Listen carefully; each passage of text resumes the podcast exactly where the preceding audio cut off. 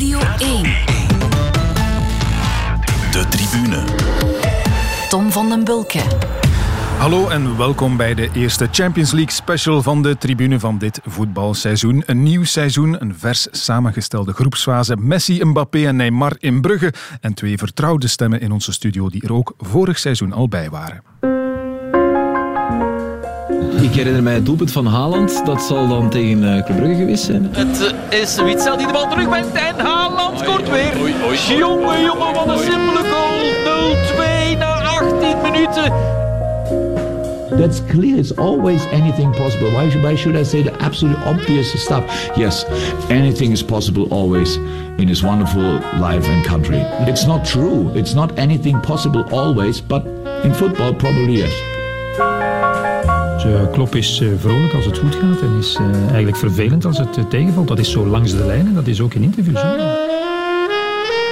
Het is wel zo dat er heel veel, ehm, hoe moet ik het zeggen, delen van de theorie van Tuchel overeenstemmen met die van, van Pochettino. Mbappé! Het is de avond van Kylian Mbappé! Nee, het is geen luitenant!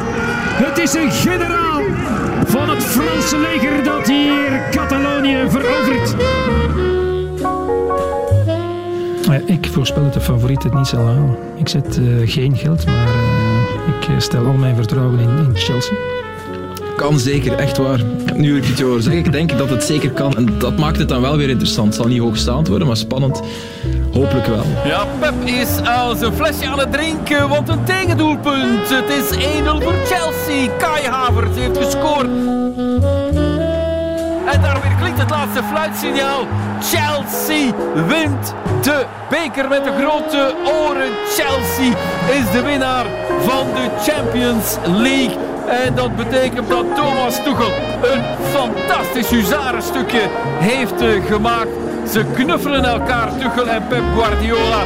Maar Pep heeft hem dus niet beter. En zo verliep het dus vorig seizoen. En hier zitten we nu weer. Dag Peter van den Bemt, dag Aster en Zeemane. Dag Hallo. Jullie zijn weer fris van de lever, helemaal klaar voor een nieuw seizoen?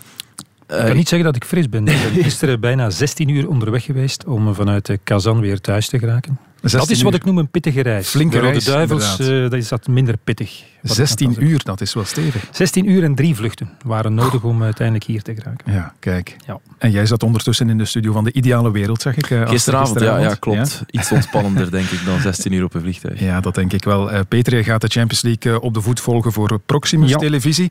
En Astrid, jij gaat dan, denk ik, zoveel mogelijk luisteren naar Peter, zeker? zoveel mogelijk kijken, luisteren en, en de wedstrijden van Club Brugge natuurlijk hier uh -huh. in de studio omkaderen. Op Radio 1. Op Radio 1, absoluut. Superleuk is dat. Dat zal dan met Tom Boudewil en, en Eddie Snelders zijn, denk ik. Hè. Maar ja. natuurlijk veel kijken. Ja, ik, ik, ik heb geen contacten met Proximus. Dus, nee. Peter, wat worden je eerste wedstrijden? Uh, ik trek dinsdag naar Barcelona. Voor uh, Barcelona post-Messi tegen Bayern München. En dus uh, donderdag dan club tegen PSG. Dat is woensdag, denk ik. Hè? Woensdag, sorry. Ja, ja, woensdag, ja, en de tweede speeldag PSG Man City. Goh, voilà.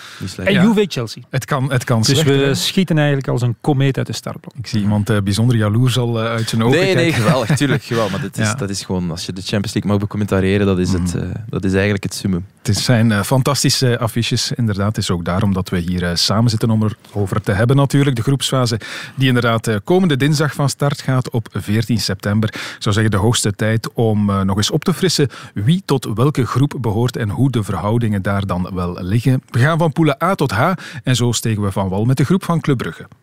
En het wordt A.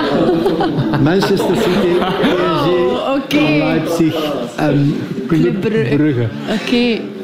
Ja, Ruud, je nou, jongens, je, bent de schoentjes maar vast vast. je bent er wel uit tegen de sterren van ja. PSG. Kijken of Lionel er zin in hebt. Ja. Dat was Ruud Vormer uh, natuurlijk, die al uh, ja, er een beetje de draak mee stak. Maar het wordt wel wat natuurlijk, hè, Aster. Die loting, goh. Ja, en ik denk nu wel, uh, als ze deze loting twee, drie jaar geleden hadden gehad, dan, dan hadden ze zoiets van, oké, tof, hè, er komen toppers op bezoek. Dat is eigenlijk het doel van ons in de Champions League, ons publiek vermaken en zien of of we ergens misschien derde kunnen worden. Maar ik denk voor de ambities van het huidige club, dat het toch een, een, een klote groep is, als ik het zo mag zeggen. Zeker mm-hmm. als, je, als je naar de andere groepen kijkt, er zijn er toch twee, drie waar je veel liever had ingezeten. Omdat ze nu eenmaal de ambitie hebben om zeker derde te eindigen. En ja, misschien wel ergens, we kunnen het hem straks misschien vragen, om, om eens echt te overleven, te overwinteren in, in de Champions League. Ja, we gaan straks eens polsen inderdaad bij Vincent Manhart, de manager van Club Brugge, hoe ze er nu op een aantal dagen van de start echt tegen aankijken. Maar Peter, ik denk, ja, dat moet inderdaad een dubbel gevoel zijn van Club Brugge. Het is gewoon een nachtmerrie. Het is geen dubbel gevoel, nee? Tom. Uh, Club Brugge heeft duidelijk aangegeven in het tussenseizoen, kijk, onze prioriteit ligt in Europa. Ze zijn al een paar keer kampioen geworden. De beste van België, dat zijn ze nu al een hele tijd. Ze willen grenzen verleggen. Ze doen dat ook uh, structureel, zal ik maar zeggen, organisatorisch, commercieel. En ze willen dat ook sportief doen. En Club Brugge kan maar op één manier nog, nog groeien in Europa. Dat is eindelijk een keer uh, doorstoten in, in de Champions League. En als je dan op zo'n groep valt,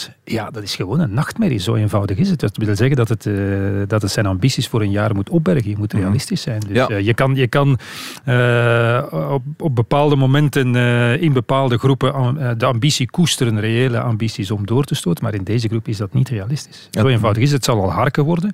En ze moeten al heel erg goed zijn om derde te worden. Want je zit niet alleen met City en PSG, maar je zit ook nog eens met, met Leipzig. Ook dat is zo ongeveer het zwaarste, als het dan niet het allerzwaarste is wat je kon treffen uit groep 3. Absoluut. de nummer 2 van Duitsland. Ja, dat is het meest vervelende aan deze groep. Je weet dat je twee toppers kan hebben, maar dan hoop je op een, op een mindere derde. En dat is hier absoluut niet het geval. Je kan, je kan een, een, een zaak maken dat Leipzig, we zullen het misschien straks wel nog over die ploeg hebben, mhm. dat die ook zelf uh, halve finales ambiëren, wat ze trouwens twee jaar geleden hebben gehaald. Kijk, je moet realistisch zijn. Ik kan een sympathiek antwoord geven en zeggen, in voetbal weet je maar nooit. In voetbal is alles mogelijk, het kan altijd. Maar ik vrees dat ik mij, als ik uh, aan kansberekening moet doen uh, voor Club Brugge om naar de volgende ronde te geraken, dat ik toch bij een contador-cijfer uitkom. een klein cijfer, vele nullen na de komma. Ja, dat is nu eenmaal de realiteit. Kijk, ik heb die zeven opgezocht, hè, Tom. Je moet, je moet een kat een kat noemen. City uh, gaat straks voor de elfde keer aan de Champions League deelnemen. En, en de eerste twee jaren, toen ze er pas ingetuimeld waren, zijn ze een keer derde en een keer vierde geworden. Hè. Laten we zeggen, in de beginjaren van de overname vanuit het oosten. Daarna acht keer op acht erdoor. PSG, sinds dat ze uit dezelfde windrichting uh, centen hebben toegestopt gekregen, negen keer op negen door in de groepsfase. Club Brugge kan wel een keer profiteren in een of andere wedstrijd van concentratieverlies, uh, wat overschatting door PSG en door City. Maar deze twee ploegen laten zich niet, niet uitschakelen in de groepsfase door Club Brugge. Dat hmm. kan niet. Door Leipzig misschien wel. Dat is wat anders. Dan moeten we zien hoe Leipzig, of Leipzig nog hetzelfde Leipzig is van de, van de voorbije twee jaar. Dat is wat anders. Maar nog eens, Club Brugge kan eens een goed resultaat halen tegen Paris Saint-Germain of tegen City. Kan eens gelijk spelen, wie weet. Kan, kan miraculeus eh, een overwinning behalen. Ook daar geloof ik niet echt in. Maar dat kan. Maar deze twee ploegen die, die uh, komen aan de start van een, van een Champions League seizoen om te winnen. Moet dat dan de ambitie zijn, inderdaad, uh, als er niet met 5-0 verliezen van, uh, van City en van PSG, maar met 1-0 of misschien inderdaad een gelijkspel uit de brand slepen, dat dan eerder, Leipzig zijn de sleutelwedstrijden, denk ik. Ik denk dat je daar, denk dat je daar voor, voor een, een, zeker thuis, dat, dat je daar voor de overwinning moet gaan. waarom stap je anders op het veld? Mhm. Ja, maar je mag dat in de thuiswedstrijd. Kijk, ik, ik, ik herinner mij de thuiswedstrijd tegen PSG in de, in de, in de vorige campagne, twee jaar geleden was het zeker. Ja, 0-5. Maar de strijd volop aangegaan ik zou bijna zeggen, een klein beetje, beetje roekeloos. Want ik weet dat, dat uh, Philippe Clement man op man speelde op de middenlijn. Maar goed, je hebt wat gedurfd, je hebt wat geprobeerd. En ja, dan kan het gebeuren natuurlijk. Als Neymar aan de overkant staat, zitten er vijf om de oren. En maar je hebt, je hebt, die inviel toen, denk ik. Hè? Ja, ja maar, maar je, hebt wel, je hebt wel gespeeld. En dat is wat Club Brugge moet doen. Ze moeten de borst vooruit, de strijd aangaan. En dat gaan ze doen. Maar, maar, je moet realistisch zijn als je het hebt over het inschatten van de kansen. Dat is wat anders. En je kan, je kan straks bij wijze van spreken laatste eindigen met één punt en toch een goede campagne gespeeld hebben. Dan, mhm. dan, dan kan er van de concurrentie hoongelak zijn, dat doen ze dan maar. Maar je moet wel in elke wedstrijd laten zien kijk, wij hebben stappen vooruitgezet Europees, wat Club Brugge zeker heeft gedaan de voorbije jaren. Alleen kom je natuurlijk tegen, tegen uh, ploegen uit een, ander zonne, uh, uit een ander zonnestelsel terecht. ja, ik bedoel, als je dan als aardbewoner het daartegen moet opnemen, ja, dan ben je, dan ben je uh, redelijk kansloos. Maar als, als Club Brugge moet aan het einde van de campagne in december voor de spiegel kunnen gaan staan en zeggen, kijk, we hebben er alles aan gedaan, we hebben ons beste niveau gehaald. We hebben ons beste niveau gehaald, zoals atleten naar de Olympische Spelen gaan en misschien uitgeschakeld worden in de halve finale, maar wel een persoonlijk record hebben gelopen. Ja, dan hebben ze er alles aan gedaan en was de tegenstand beter. Dat moet de ambitie zijn voor Club Brugge. En nog eens wat ik zei, dan kan er hier of daar wel wat uit de kast vallen. Ja, als we de twee grote in uh, de poelen samen of uh, met elkaar in de weegschaal leggen, City en uh, PSG, Wie heeft daar dan het voordeel? Toch maar PSG? Met al Ja, zijn sterren dit niet. seizoen? Dat vind ik, dat vind ik niet. hè, Want iedereen zegt nu, ja, PSG, ja, uiteraard worden ze kampioen in Frankrijk. Daar bestaat al blijkbaar geen twijfel meer over. Komt natuurlijk ook misschien door het feit dat, dat Lille eh, zeker niet versterkt is, in tegendeel. Ehm, maar ik vind eigenlijk, en dat hebben we de voorbije jaren gezien in de Champions League, als je kijkt naar de winnaars van de Champions League, zijn dat niet alleen de ploegen met de beste spelers, maar zijn dat ook ploegen waar er een eh, coach op de bank zit die zijn filosofie al heeft kunnen overbrengen op zijn groep. Ik zeg het op deze manier omdat Pochettino ook een man is met een heel erg duidelijke filosofie die hij al bij Southampton en bij, en bij Spurs heeft getoond. Maar in het voorbije half jaar bij, bij PSG hebben we dat nog niet echt gezien. Ehm, dus oké, voor mij is City ook in deze groep favoriet. Net omdat Guardiola daar al, hoe lang zit hij er al? Zes, zeven, zeven seizoenen. En net ook omdat, ik, eh, omdat we PSG en City vorig jaar hebben zien voetballen. Toen natuurlijk nog een, een PSG in opbouw zonder Messi enzovoort en zo verder onder eh, Pochettino. Maar daar heeft City getoond hoe je kan winnen van eh, PSG. Met agressief druk zetten. Guardiola zei het zelf na die wedstrijd. In het eerste half uur van de partij was PSG beter dan City. Kwamen ze ook op voorsprong. En Guardiola zei daarover, we waren te passief in de duels, niet agressief genoeg in ons eh, druk zetten. Daarna zijn we agressiever druk gaan zetten op, eh, op de tegenstander. Hebben wij hen overvleugeld en in de, de terugwedstrijd was het echt, het was geen masterclass, maar was het makkelijk afhouden. Al bij al makkelijk afhouden van, eh, van PSG. City is voor mij een betere ploeg, ook al komt Messi daar nu Ja. bij. Ben je het daarmee eens, Peter? Want Zal ik mijn eerste Messi- voorspelling van het seizoen? Ja. We zijn toch Ja, al tien minuten bezig. Inderdaad, ik ben er al klaar voor. Dus maar. Saint-Germain zal de Champions League niet winnen. Oh, dat is al een dat straffe. Dat is Ja. al een straffe, Ja. vind ik. Want oké, Messi is gekomen. Nee, maar ik volg PSG. Maar- Ik, eh, maar, vooral Er zijn nog zoveel als namen bij. PSG de Champions League niet wint dit seizoen, dan hebben ze gefaald. Dus voor alle duidelijkheid, er is maar één ploeg die de Champions League moet winnen. Als je dat soort fratsen hebt uitgehaald, ja, dan moet je de Champions League winnen. Mhm. Alleen in het voetbal eh, loopt dat niet altijd zo natuurlijk. Maar, maar ehm, als, je- als je ziet, ik vind wel dat Paris Saint-Germain versterkt is. Het is een sterkere ploeg. En dan heb ik het nog niet zozeer over Messi uiteraard. Nee, nee, nee, uiteraard voilà. Messi, uiteraard. Hè. Ja. Komt Messi er nog eens bij. Maar ze hebben vooral daar waar toch, eh, wat mij betreft, wat eh, vaak problemen waren. Namelijk eh, op de twee flanken, de flankverdedigers. Ja, daar hebben ze natuurlijk wel kwaliteit bij gehad. Op de rechterkant was het toch altijd een beetje behelpen zo.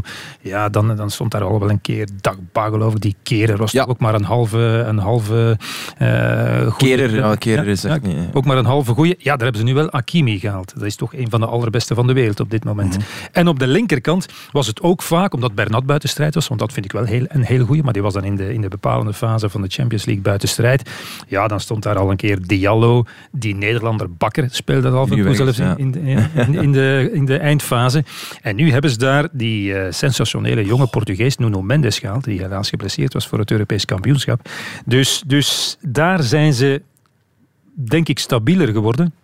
En als je aan die al heel solide verdediging nog eens een fitte en op niveau zijnde Sergio Ramos kan aan toevoegen, ja, dan, eh, heb je toch, dan heb je toch kwaliteit bij. En ik vind ook, alleen vraag ik me af, eh, ze gaan ze op elkaar moeten stapelen natuurlijk. Wijnaldum er ook nog eens bij. Mhm. Vond ik bij Liverpool altijd een beetje een speler in de schaduw, maar van, van eh, onschatbare waarde eigenlijk. Dus PSG is, is zeker sterker geworden. Dan vergeet ik nog Donnarumma tussen Ja. de palen. Vergeet ik nog Donnarumma. Ja, ze kunnen ook maar één doelman opstellen. En ik vond die vorige echt ook Voilà. een heel goeie. Daar, Die, daar die, zowel bij, die zowel bij Real Madrid, elk jaar opnieuw in de Champions League, in al die, die drie opeenvolgende overwinningen, cruciale reddingen deed op cruciale momenten. Diep in de knock-out fase van de Champions League, tot in de finale toe. En nu hebben ze daar Donnarumma aan toegevoegd. Dus, dus PSG is sterker. Maar toch zeg ik, ze zullen de Champions League niet winnen. Gewoon om maar... Dus zeg het nog eens dat, dat we het zeker goed gehoord Ja, hebben, dus. Paris Saint-Germain moet de Champions League winnen, maar het zal niet gebeuren. Ik zal ook al zeggen wie. Oké, dat, Wie mag, wel? dat mag. Ik ging dat pas op het einde vragen, maar je bent er vroeg Ik bij. Bayern München. Ja, we Voilà. zitten op Oei, dezelfde als lijn. Helemaal. ja, hetzelfde Zeg, is. En, nu en, gauw, oh ja, zeg, zeg, dat is er nu gauw bij na. Dat heeft het al geleerd. Jij zegt, jij zegt mij dan met. PSG. nee, nee, ik heb exact, ik heb het hier opgeschreven. Ik heb exact dezelfde Ja. mening. Vorig jaar Tuchel, nu die andere Duitse nieuwlichter. Oké, maar waarom wint. PSG dan de Champions League niet? Omdat iedereen ervan uitgaat dat het gebeurt. En het is zelden in het voetbal op Europees niveau. In de competitie, ja, inderdaad. Paris Saint-Germain zal wel weer kampioen worden, dat is wat anders. Eh, dat, dat soort dingen zelden gebeuren. Ik herinner mij dat we hier zaten en dat we, laten we zeggen, tussen de 500 en de 600 procent eh, zeker waren dat Frankrijk Europees kampioen ging worden. Wel, dat is er ook niet van gekomen. Dus eh, tot op vandaag kunnen we bij wijze van spreken niet uitgelegd krijgen waarom Frankrijk niet Mhm. voorbij Zwitserland is geraakt. Enfin, we kunnen het wel uitleggen. Maar eh, die vergelijking trek ik een beetje.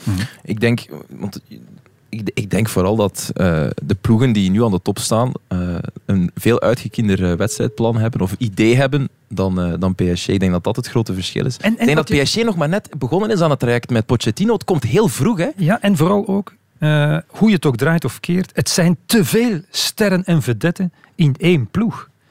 En, en ik heb maar zelden een echte symbiose gezien tussen spelers die absoluut zelf op het voorplan willen staan. En dat was bij dat geweldige trio voorin bij Barcelona.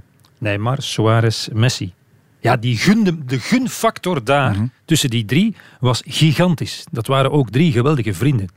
Als ik Mbappé heb gezien en gelezen en, en zijn flirt met Real Madrid heb gezien, dan heb ik niet de indruk, en als ik zijn eisenpakket bekijk bijvoorbeeld, wat dat hij overmaakt bij, bij contractonderhandeling, dan denk ik niet dat Mbappé gediend is met, uh, met wat er zich de voorbije, laten we zeggen, maand heeft afgespeeld in de buurt van Parijs rond Lionel Messi.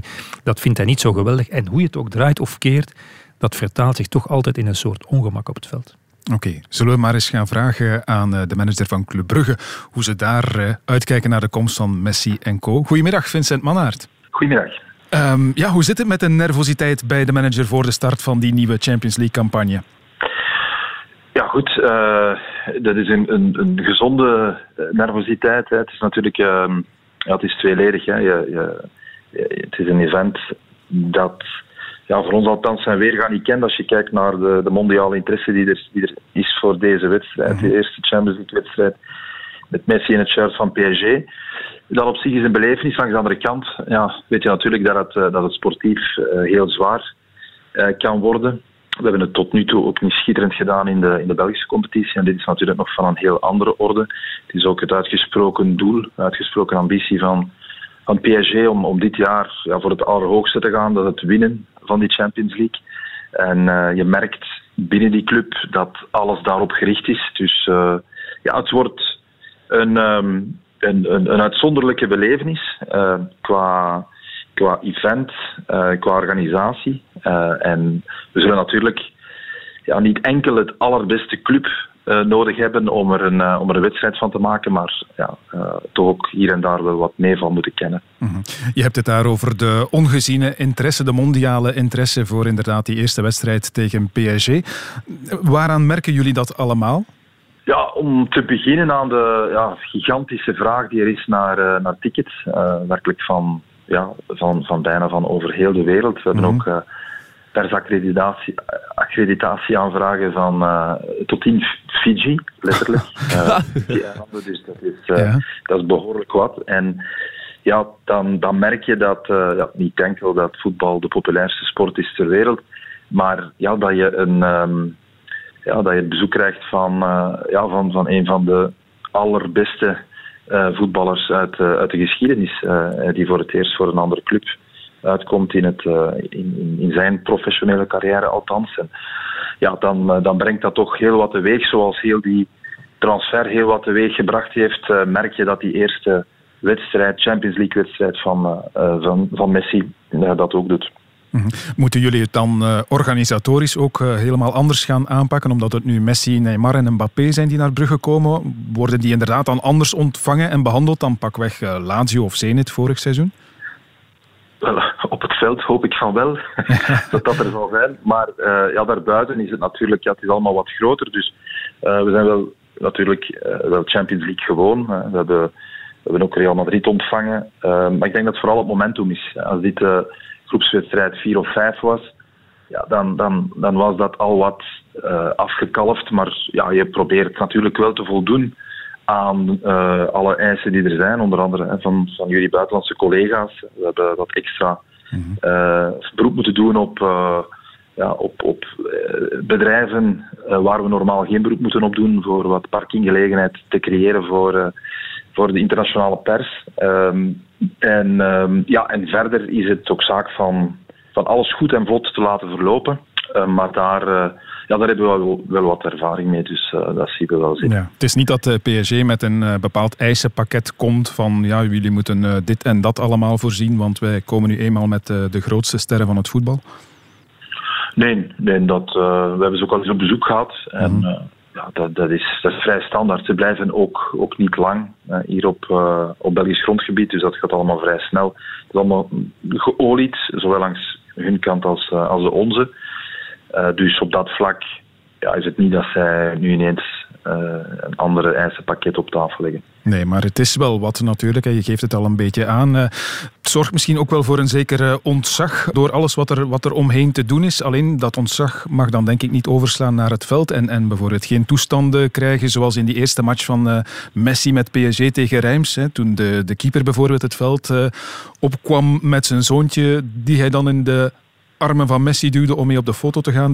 Dat soort toestanden gaan we hopelijk niet krijgen bij jullie. Nee, dat ga je niet zien. Uh, en goed, dan merk je ook dat we op dat vlak een, een mature kleedkamer hebben ja. Waar, ja, waar, waar, het sportieve uh, overweegt op het, op het uh, unieke moment. we hebben getoond niet onder de indruk te zijn geweest in een aantal andere wedstrijden in Champions League, onder andere in Bernabeu. in Parijs trouwens ook. Oké, en nu is er Messi bij, dat is natuurlijk een heel groot verschil. Maar uh, die, die, toestanden gaan we, gaan we bij ons niet zien. Nee. Meteen na de loting, uh, Vincent, heb je gezegd, heb ik uh, toch gelezen in een aantal artikels die ik nog even gaan opsnorren ben. Ja, de doelstelling blijft dezelfde, ondanks ja, die gigantisch moeilijke loting. Overwinteren in de Champions League. Zeg je dat op de dag van vandaag nog altijd? Wel, je moet ja, proberen de club altijd de lat wat hoger te leggen. en, maar goed, moet ik ook wel zeggen dat soms de wens de vader is van de gedachte. En, mm ja, uh, wij hebben nog, we hebben nog niet het, beste club gezien, uh, vind ik, dit seizoen. Uh, en het wordt een eerste ja, echt zware test. Um, het, het, het, het, kan, maar zoals ik zei, ja, dan, moet je, dan moet je niet alleen het allerbeste club zien, maar dan moet je ook wel wat meeval hebben. Maar goed, we leggen liever de lat wat, wat hoger dan, dan te laag. En als blijkt dat je dat je het gewoon goed gedaan hebt, maar dat er, zoals het ook zo is, dat uh, het, het, verschil in kwaliteit ook uh, zich uitdrukt op het scorebord. Ja, goed, dan moet je je daarbij neerleggen, maar je moet er wel ja, vol voor gaan. En als de gelegenheid zich zou voordoen, ja, dan moet je wel klaar zijn om het te pakken. En ik geloof dat als je ja, je van op voorhand eigenlijk al kansloos acht, ja, dan, dan ga je ook op het moment dat er zich een opportuniteit zou voordoen. Het kan altijd, het blijft mhm. voetbal. Uh, het kan uh, dicht bij elkaar liggen met een uh, ja, bal binnenkant, buitenkant paal, een uh, onverwachte rode kaart. Het zijn allemaal zaken die, die een impact kunnen hebben, maar dan moet je wel klaar zijn om het, om het te pakken. En ja, het is vanuit die optiek dat we, ja, dat we met, ja, met, een, met een mentaliteit van goed, we gaan er toch maar voluit voor gaan. Uh, dat we starten aan die, aan die Champions League-campagne. Mm En zijn jullie klaar? Hè? Want uh, het is misschien wel de vraag hoe Club Brugge zich straks gaat presenteren. Want als je met 6-1 verliest op A-agent, ja, dan kun je moeilijk zeggen dat je nu overloopt van het vertrouwen, denk ik, voor een match tegen uh, een nog veel grotere club zoals PSG. Ja, klopt. Hè. En daar, daar hebben de spelers ja, zichzelf geen dienst bewezen, omdat, ja, omdat je ja, je moet toch in eerste instantie uh, blijk geven van, ja, van kwaliteit in je eigen competitie. Dus uh, ja, dat hebben we nog niet gedaan, of toch al onvoldoende. Dus we zullen nu toch moeten ja, op, de, op de type van de tenen staan, want anders ja, dan, dan ga je terug richting, ehm, ja, richting een wedstrijd waar, dat het, ja, waar dat het niet aangenaam is. Hè. En dan kan het wel fijn zijn en leuk om eens tegen wereldsterren te spelen, maar ja, als je er echt niet aan de pas komt en het, het scorebord dikt aan in je nadeel, ja, dan, is het, uh, dan is de lol er vrij snel af. Ja, dan wordt het uh, ontnuchterend natuurlijk. Um, nog eens naar de kern kijken. Jullie hebben veel zomertransfers gedaan. Vooral jonge spelers die zich uh, misschien nog moeten inpassen, nog ontwikkelen ook. Zijn jullie genoeg gewapend voor de Champions League? Goed, ja. Dat gaan we. Ik moet zeggen, en dat, is het, dat vind ik het jammer van, van deze poelen. Omdat ehm, ja, je hebt met, met Parijs, eh, Paris Saint-Germain, met, met City heb je de absolute wereldtop. Ehm, en eigenlijk is uh, Red Bull Leipzig ja, ook gewoon een heel sterk team. Dus je staat aan de start van, van zes wedstrijden waarin je mogelijkerwijs je allerbeste niveau haalt, maar dat je gewoon tekort komt. En, um, ja, en, en dat, is het, dat is het vervelende van deze reeks. Mhm. Want we hebben vorig jaar bewezen uh, ja, dat we er kort kunnen bij zijn als natuurlijk uh, ja, als, als de tegenstander dichter bij, bij ons niveau ligt dan dat het nu het geval is. Dus ja, en wat de Mercato betreft, ja, het was altijd de bedoeling om, om wat nieuw bloed toe te voegen aan een, aan een kern die, ja, die weliswaar de voorbije jaren succesvol is geweest, maar ja, die, die, die wel ook toe was aan wat, wat, ja, wat vernieuwing, wat fraîcheur. en ja, onze politiek daarin is uitzondering niet ten aangesproken, uh, is om vooral voor jonge spelers te gaan met, ja, met groeipotentieel, uh, waarvan er toch een aantal zouden moeten in staat zijn om, om op korte termijn en ja, zelfs tegen, tegen Paris Saint-Germain en in de Champions League om om, uh, om al diensten te, le te, leveren. En... Ja, want, uh, want Vincent, dat is, zou je kunnen zeggen, een beetje contradictorisch. Jullie hebben aangegeven, kijk, wij, wij willen graag de nadruk nu leggen, dat was voor de loting weliswaar, op, op een goede Champions League-campagne. Wie weet, overwinteren in, in de Champions League. Ja, je hebt natuurlijk in de laatste dagen van de transferperiode dan een heleboel nieuwe spelers nog bijgehaald. Dus ja, een ingespeeld elftal komt er dan toch niet aan de start. Dat is de wet van de markt die dan speelt, neem ik aan, dat het zo laat moet gebeuren. Ja, klopt. En uh, ja, ik zit er al een, tijdje in. Het is mijn dertigste transferperiode. Uh, het is ook de nou, moeilijkste geweest, omdat je uit een... Uh, die van vorig jaar was, was, was bijzonder, omdat er heel weinig activiteit was door, door corona. Deze markt startte met de vaststelling dat er opnieuw wel wat geld was. Um, dat zou besteed worden. Alleen is dat heel laat gebeurd. En ja, wij zijn door onze positie binnen de Europese voetbalpyramide zijn we toch wat afhankelijk van wat er beweegt. Eerst langs uh, de kant boven ons. Um, uh, en het is van bovenaan dat, dat je dan een cascade-effect krijgt uh, naar, naar de andere competities. Tenzij je transfers doet op de binnenlandse markt, dat is nog iets anders. Maar dus er was nog altijd de naweeën van COVID die, die zorgde voor, ja, voor wat uitstel, omdat er na een jaar van heel weinig transacties was er wat twijfel van, ja goed, wat is nu de waardering van bepaalde spelers?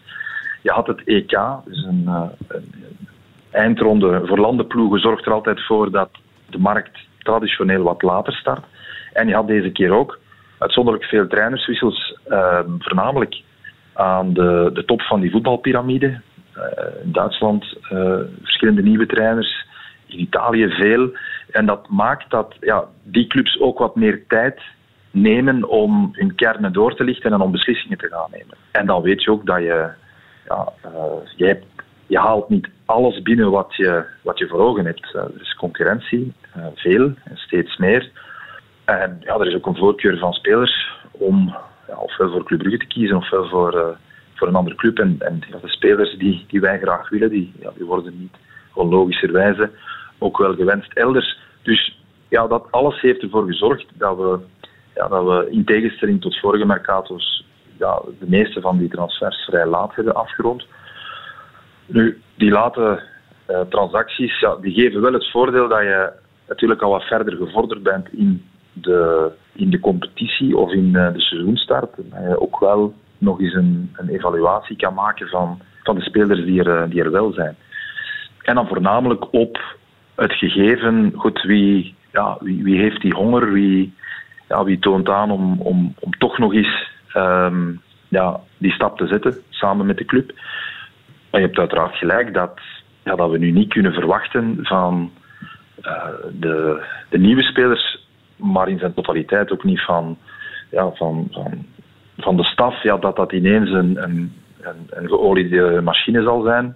Ik denk wel dat dat onze staf en, en Flip Clement uh, goed in staat zijn, want ze zijn ook altijd betrokken bij de beslissingen die we nemen om, om een goed elftal op de been te brengen en om daar ja, de juiste mentaliteit in te stoppen. Oké.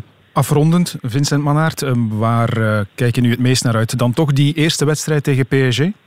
Ja, misschien wel. Hè. Omdat, het, omdat het zo... Ja, het is, het is uniek. Je voelt het aan alles. Het zal, het zal altijd een uniek moment blijven, omdat ja, er is maar één eerste wedstrijd in Champions League van, uh, van, van Messi uh, met uh, Paris Saint-Germain. En dat in combinatie met dat je toch altijd uitkijkt naar, naar die eerste Champions League wedstrijd. Um, en dat is dan nu thuis tegen PSG met uh, pleiade aan, aan wereldsterren. Mm -hmm. Ja, dat, dat is toch altijd bijzonder om, om naar uit te kijken. Absoluut. We gaan jullie eh, veel succes wensen. Niet alleen tegen PSG, maar ook tegen eh, Manchester City en Leipzig. Dankjewel om even tijd voor ons te maken, Vincent Manhart. En ik zou zeggen, uh, bezorg die man uit Fiji een stoeltje naast Peter van der Bent komende week. Nee, ik zou zeggen, weiger hem.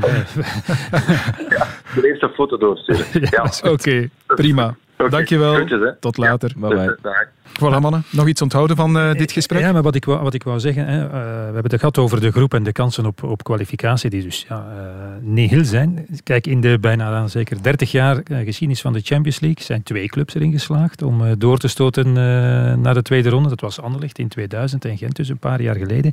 Wel, de tegenstanders van Anderlecht waren...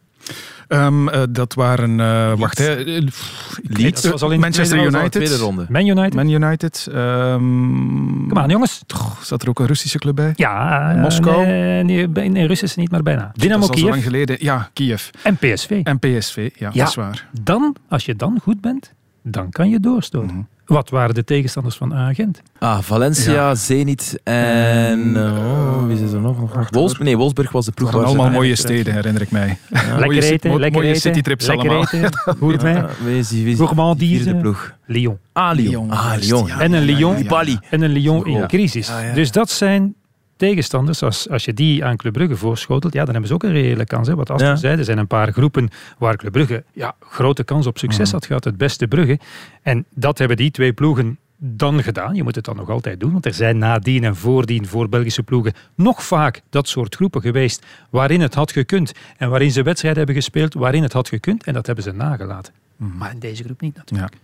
even over die transfers die ze gedaan hebben. Inderdaad, uh, vooral jong ingekocht. Ja, ja. Het is niet dat we het van die mannen moeten gaan uh, verwachten nu, denk ik. Hè?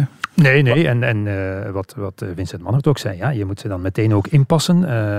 je kan niet verwachten dat ze na een paar trainingen meteen al mee soepel vlot ronddraaien. Dus het gaat Mhm. toch nog een klein beetje moeten komen. Weliswaar aangevuld met nieuwe jongens van, van de usual suspects. Ja. En, en, en om het... goed, City, Astrid heeft het ook al gezegd, ja... Grealish is erbij gekomen. Er is niemand weggegaan, behalve Aguero, maar dat, die speelde maar een bijrol uh, vorig jaar.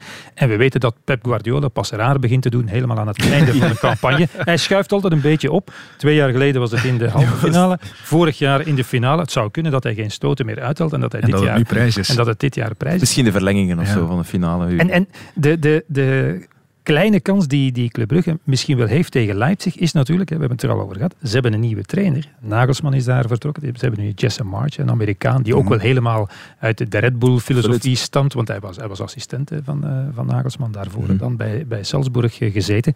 En... ehm ja, ze zijn wel Sabitzer kwijt. Ik moet eerlijk zeggen, dat had ik ergens gemist onderweg. Echt? Dat, dat Ja. weet ik nu ineens. Die is naar Bayern München gegaan. Classic Ja. Bayern München dit. Helemaal Ja, op die is naar Bayern München gegaan en die was met zijn statistieken, maar vooral als, ja, als leidersfiguur op, uh, uh, in de ploeg was het natuurlijk wel ongelooflijk belangrijk voor, voor uh, Red Bull. En het is toch een beetje een, een, een moeilijk begin.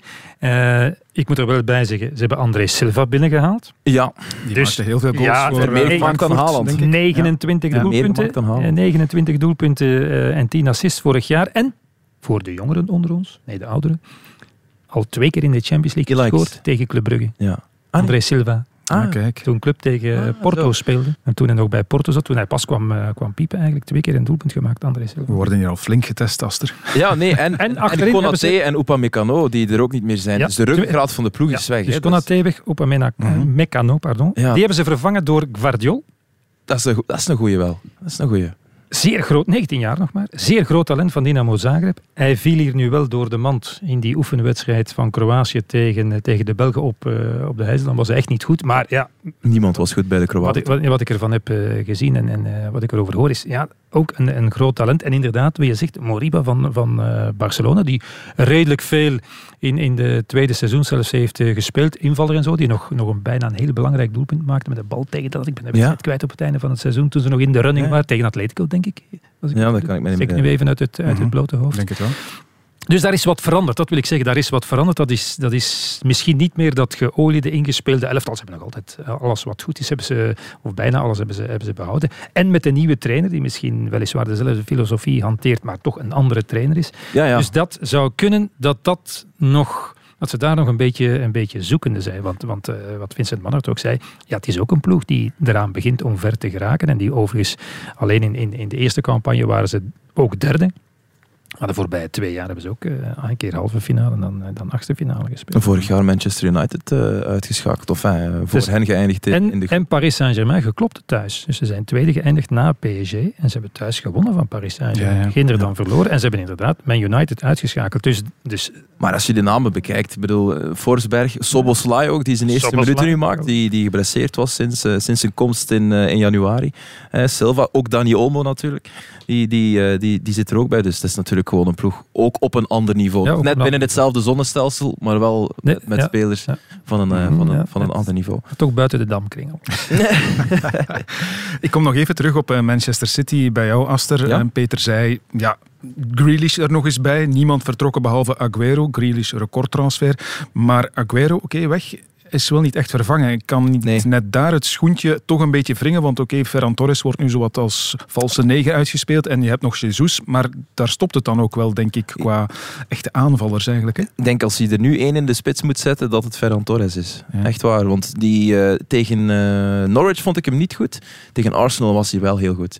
En die zet wel nog altijd stappen. Dus ik weet niet waar of wanneer hij zijn laatste stap zal zetten. Dat, dat weten we nog altijd niet. Maar dat het zal pieken dat ze Kane niet hebben, dat, dat snap ik wel. Want wat eh Ferran Torres is, is hij eigenlijk beter in de 16 dan erbuiten. Maar Kane is gewoon een van die weinige spitsen die en een traditionele nummer 9 is, die ouderwets doelpunten kan maken, voorzetten kan binnenkoppen, in de 16 een fox in de box kan zijn. En daarbuiten ook, dat heeft hij de voorbije jaren bij Spurs getoond, echt En als een... EK, hè? Ja, was hij absoluut. spel, kreeg ik kritiek voor, maar was eigenlijk spelmaker. Ja, wel, maar dat, dat, Eerste paar wedstrijden. Ja, ja maar, dat was, maar dat is een verlenging eigenlijk van Ja, ja. wat hij al deed bij, bij Tottenham. Hè, met daar Son in zijn rug en op het, eh, op het EK met onder andere Sterling, die fantastisch eh, was. Hij kan ook echt een valse negen zijn, een spelmaker, inderdaad, een spits zijn die, die, die komt inzakken. Wat Guardiola ook heel graag heeft en verlangt eigenlijk van, van zijn spitsen. Dus het is... Op een manier zal het een, een teleurstelling geweest zijn dat hij, eh, dat hij niet gehaald is. En ik denk dat ze ergens nog aan Ronaldo snuffelden. Dat ze toch misschien een beetje kleur bekenden te beseffen van ja, we kunnen echt wel nog iets gebruiken eh, op 9. Want ik denk na Ferran Torres de beste keuze, ook al is Gabriel Jesus heel goed aan het seizoen begonnen, is Kevin De Bruyne nog altijd op 9. Dus ja, Ja, Ja. Ze, maar ze hebben vorig jaar, want nog eens, Aguero heeft maar een doelpunt of drie gemaakt, dus dat is niet eh, het, hij het was grote er vaak verschil. niet nee, bij, hij was er vaak niet bij. daar moet je Ja, niet naar zo. kijken. Maar, maar ze hebben in de Premier League toch nog wel 83 doelpunten gemaakt zonder, zonder eh, prijsschutter. Maar goed, Ja. eh, het, eh, als je kijkt hoe ver ze wilden gaan om Harry Kane binnen te halen, is er toch duidelijk Ja. binnen de club Ja. en bij, bij Guardiola het besef dat ze dat soort speler er Ja. heel erg graag bij willen. Chelsea heeft ook de Champions League gewonnen zonder echt Ja. goede 9. Dus het kan wel, maar je kan dan ook wel nog altijd op hetzelfde moment erkennen, we hebben er toch geen nodig. We hebben Voilà, en nodig. vanuit die gedachte redeneerde ik van hadden ze daar dan niet echt de prioriteit moeten van maken in plaats van 100 miljoen te besteden aan Grealish, van wie ik denk, oké, heel goede Wat speler, mij betreft maar, wel. ja, maar, maar er lopen er daar nog zo wel rond van dat soort types. Nee, Grealish, hadden ze die echt nodig? Eerder dat dan is- die spits, denk ik. Dat is een goede vraag. Ehm, dat, is echt, dat is echt een goede vraag. Nee, als of je ze hem echt moet nodig hadden? Als je moet Ja, ja. Aster, en je zegt, ik, eh, kijk, ik eh, heb 200 miljoen te besteden, ja, dan eh, ga ik eerst voor Kane. Mhm. Dat denk ik ook. Ja. Liever Nee? 200 voor Kane dan eh, Ja, nu 100 Ja, voor Grealish. 100 of om het even wat. Nee, nee, ja, Nee, dat nee. zal- Dus- minder dus was niet gegaan. Je, kan- je kan, je kan, eh, en Grealish, eh, als hij zich ontwikkelt, eh, zal hij een, een eh, belangrijke rol spelen, maar gaat wat mij betreft eh, niets doen voor Manchester City wat bepaalde andere spelers, eh, Ja, ja. De Bruyne, anderen, niet konden brengen. En Kane wel, namelijk eh, veel doelpunten maken. Ja, ja. Niet onbelangrijk in het voetbal, zoals Mhm. we weten. Ja, dat is waar. Daar kan ik je in volgen. Ja, ja. Oké. Ja. Slotvraag over deze groep. Sluit jij je aan, Peter, bij wat Aster een tijdje geleden al zei van ik vind City een betere ploeg dan PSG of hebben we daarvoor nog niet genoeg gezien dit seizoen? Eh, maar maar ko- qua ploeg zeker wel. Hè? Ja. Qua ploeg zeker wel. Maar, maar eh, goed, dat, dat ligt in de balans. Hoor. Die twee gaan, eh, gaan eh, volgens mij geweldige wedstrijden zijn tussen die twee. Ja. Dus allen daarheen zou ik zeggen. Ik in de eerste plaats. dus. maar eh, ja, dat, je kan, je, ja, dat kan je niet voorspellen. eh, Ja.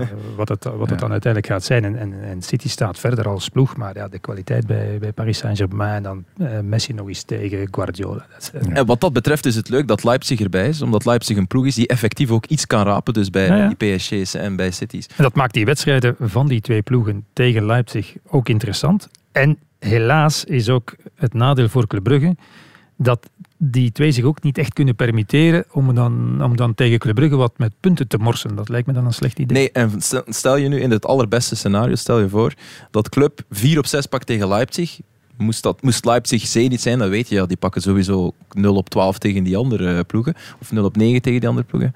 0 op 12, 0 op 9, 0 op 12.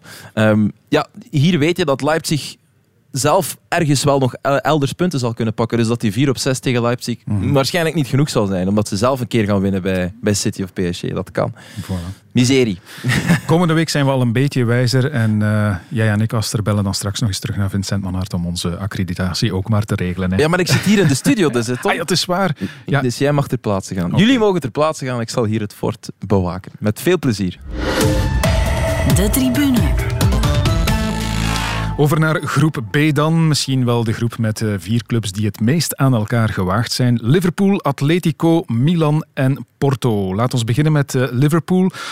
Pas op de valreep de Champions League gehaald, eigenlijk na wat toch een eh, minder seizoen was vorig jaar. En eh, als je dan nu kijkt eigenlijk naar dat team, dan zie ik, Aster, tenzij ik mij vergis, toch grotendeels dezelfde ploeg daar weer staan. Om te beginnen vooraan weer met dezelfde drie, weliswaar aangevuld met, met Ja. Jota, die er ook vorig seizoen Ja. al was. Ja, en, en, en, en brood nodig is om, om die drie onder druk te blijven zetten. Ik heb het gevoel bij Liverpool, hè, je kan zoiets hebben, hè, een ploeg die op de allerhoogste golven heeft gesurfd de voorbije seizoenen.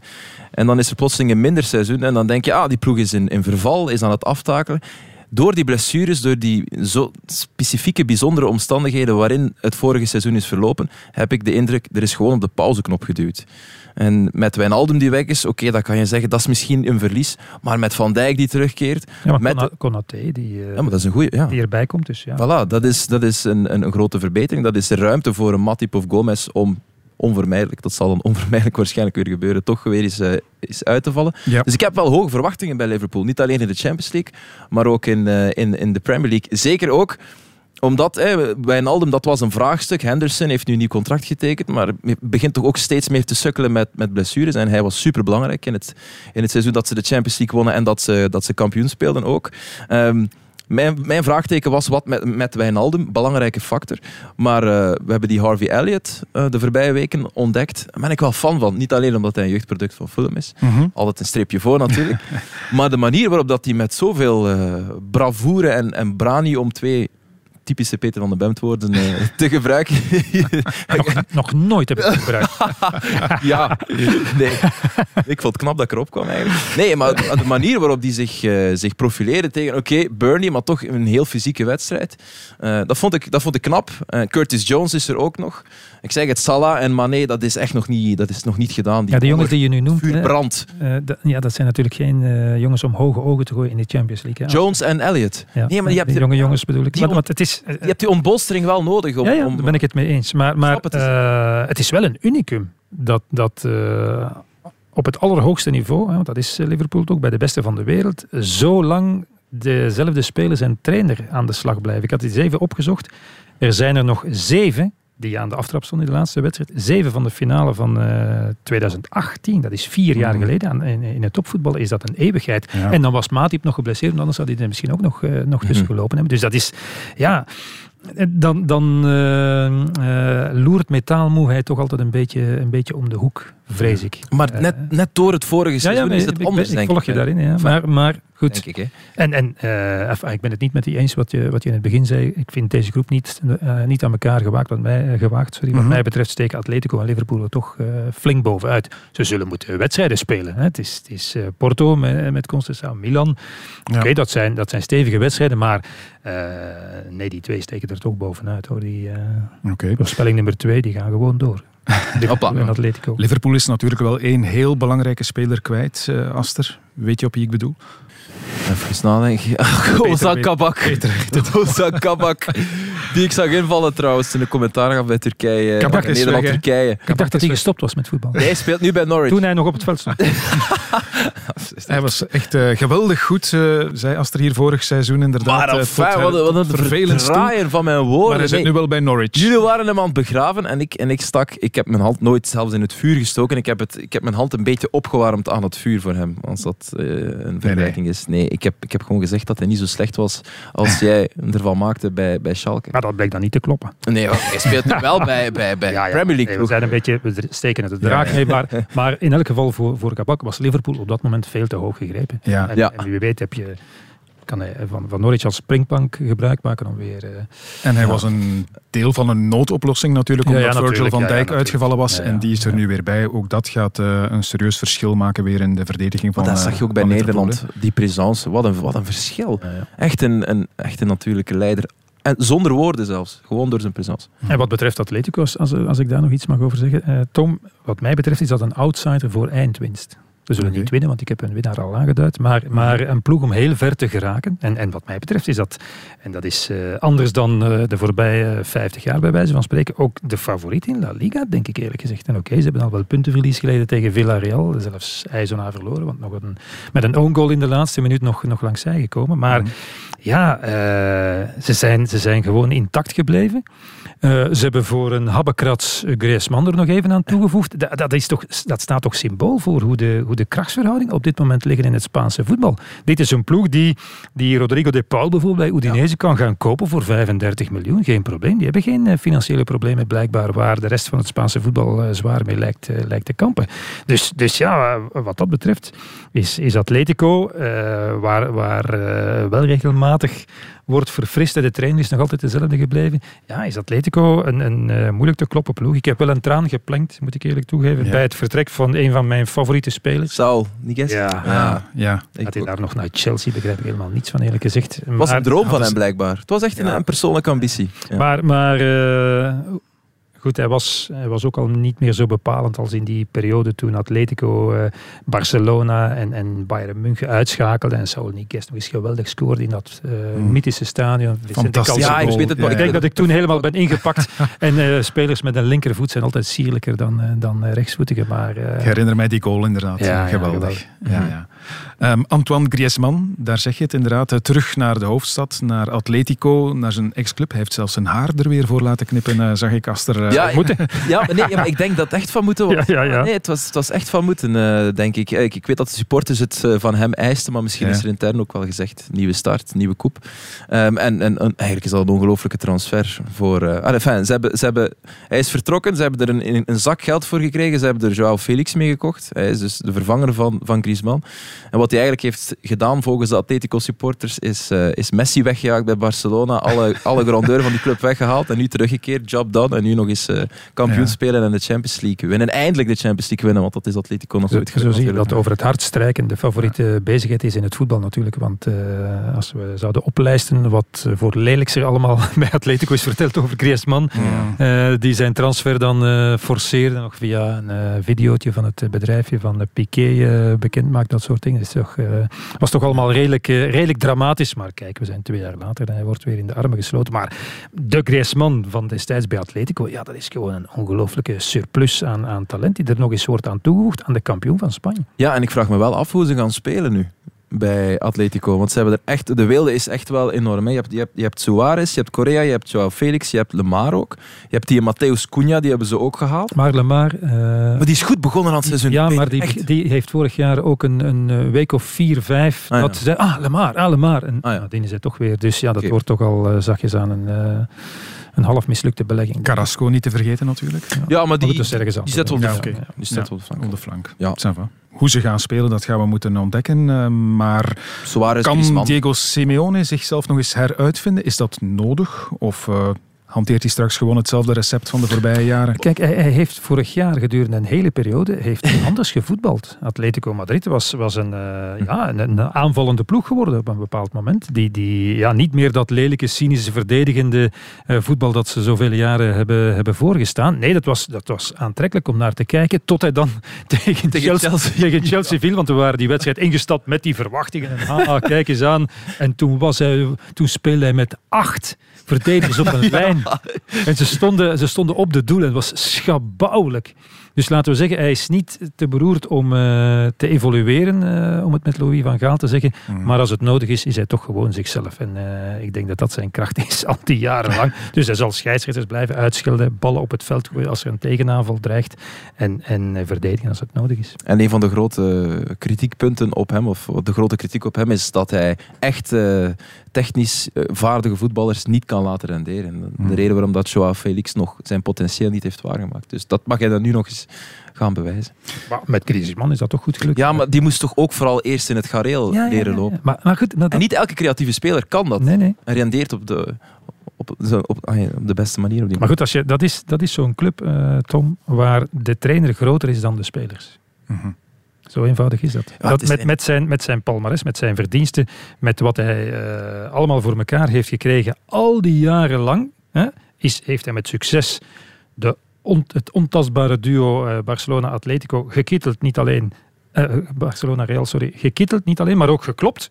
Ja, dan is je status dermate Ja. Dat je groter bent dan de speler. En volgens mij hij de best verdienende coach Ja, ja, ter ook. Ja, wereld. ja, ja. Of een van de, ja. Dat is ook straf. 25 miljoen. Mijn Netto. mening is intussen Netto, al eh, bijgesteld. Laat ons inderdaad maar eh, Liverpool en Atletico bombarderen tot Blij eh, dat je snel van de grote favorieten in deze groep. Nee, maar Porto is ook wel echt een heel, Ja. heel vervelende ploeg. Hè. Die hebben Nee, maar dat is een leuke groep. Dat is echt Ja, een leuke groep. wel. Ja, dat is echt Ja. een leuke groep. En, en, en ga maar eens in Porto spelen. Dus ja, Ja. nee, echt een leuke groep is dit. Over naar groep C. Benieuwd of jullie die ook zo leuk vinden. Iets minder spectaculair in elk geval, denk ik. Met Borussia Dortmund, Ajax, Sporting en Besiktas. Hier is het vrij duidelijk, denk ik. Dortmund favoriet, alleen al omdat Erling Haaland er nog speelt.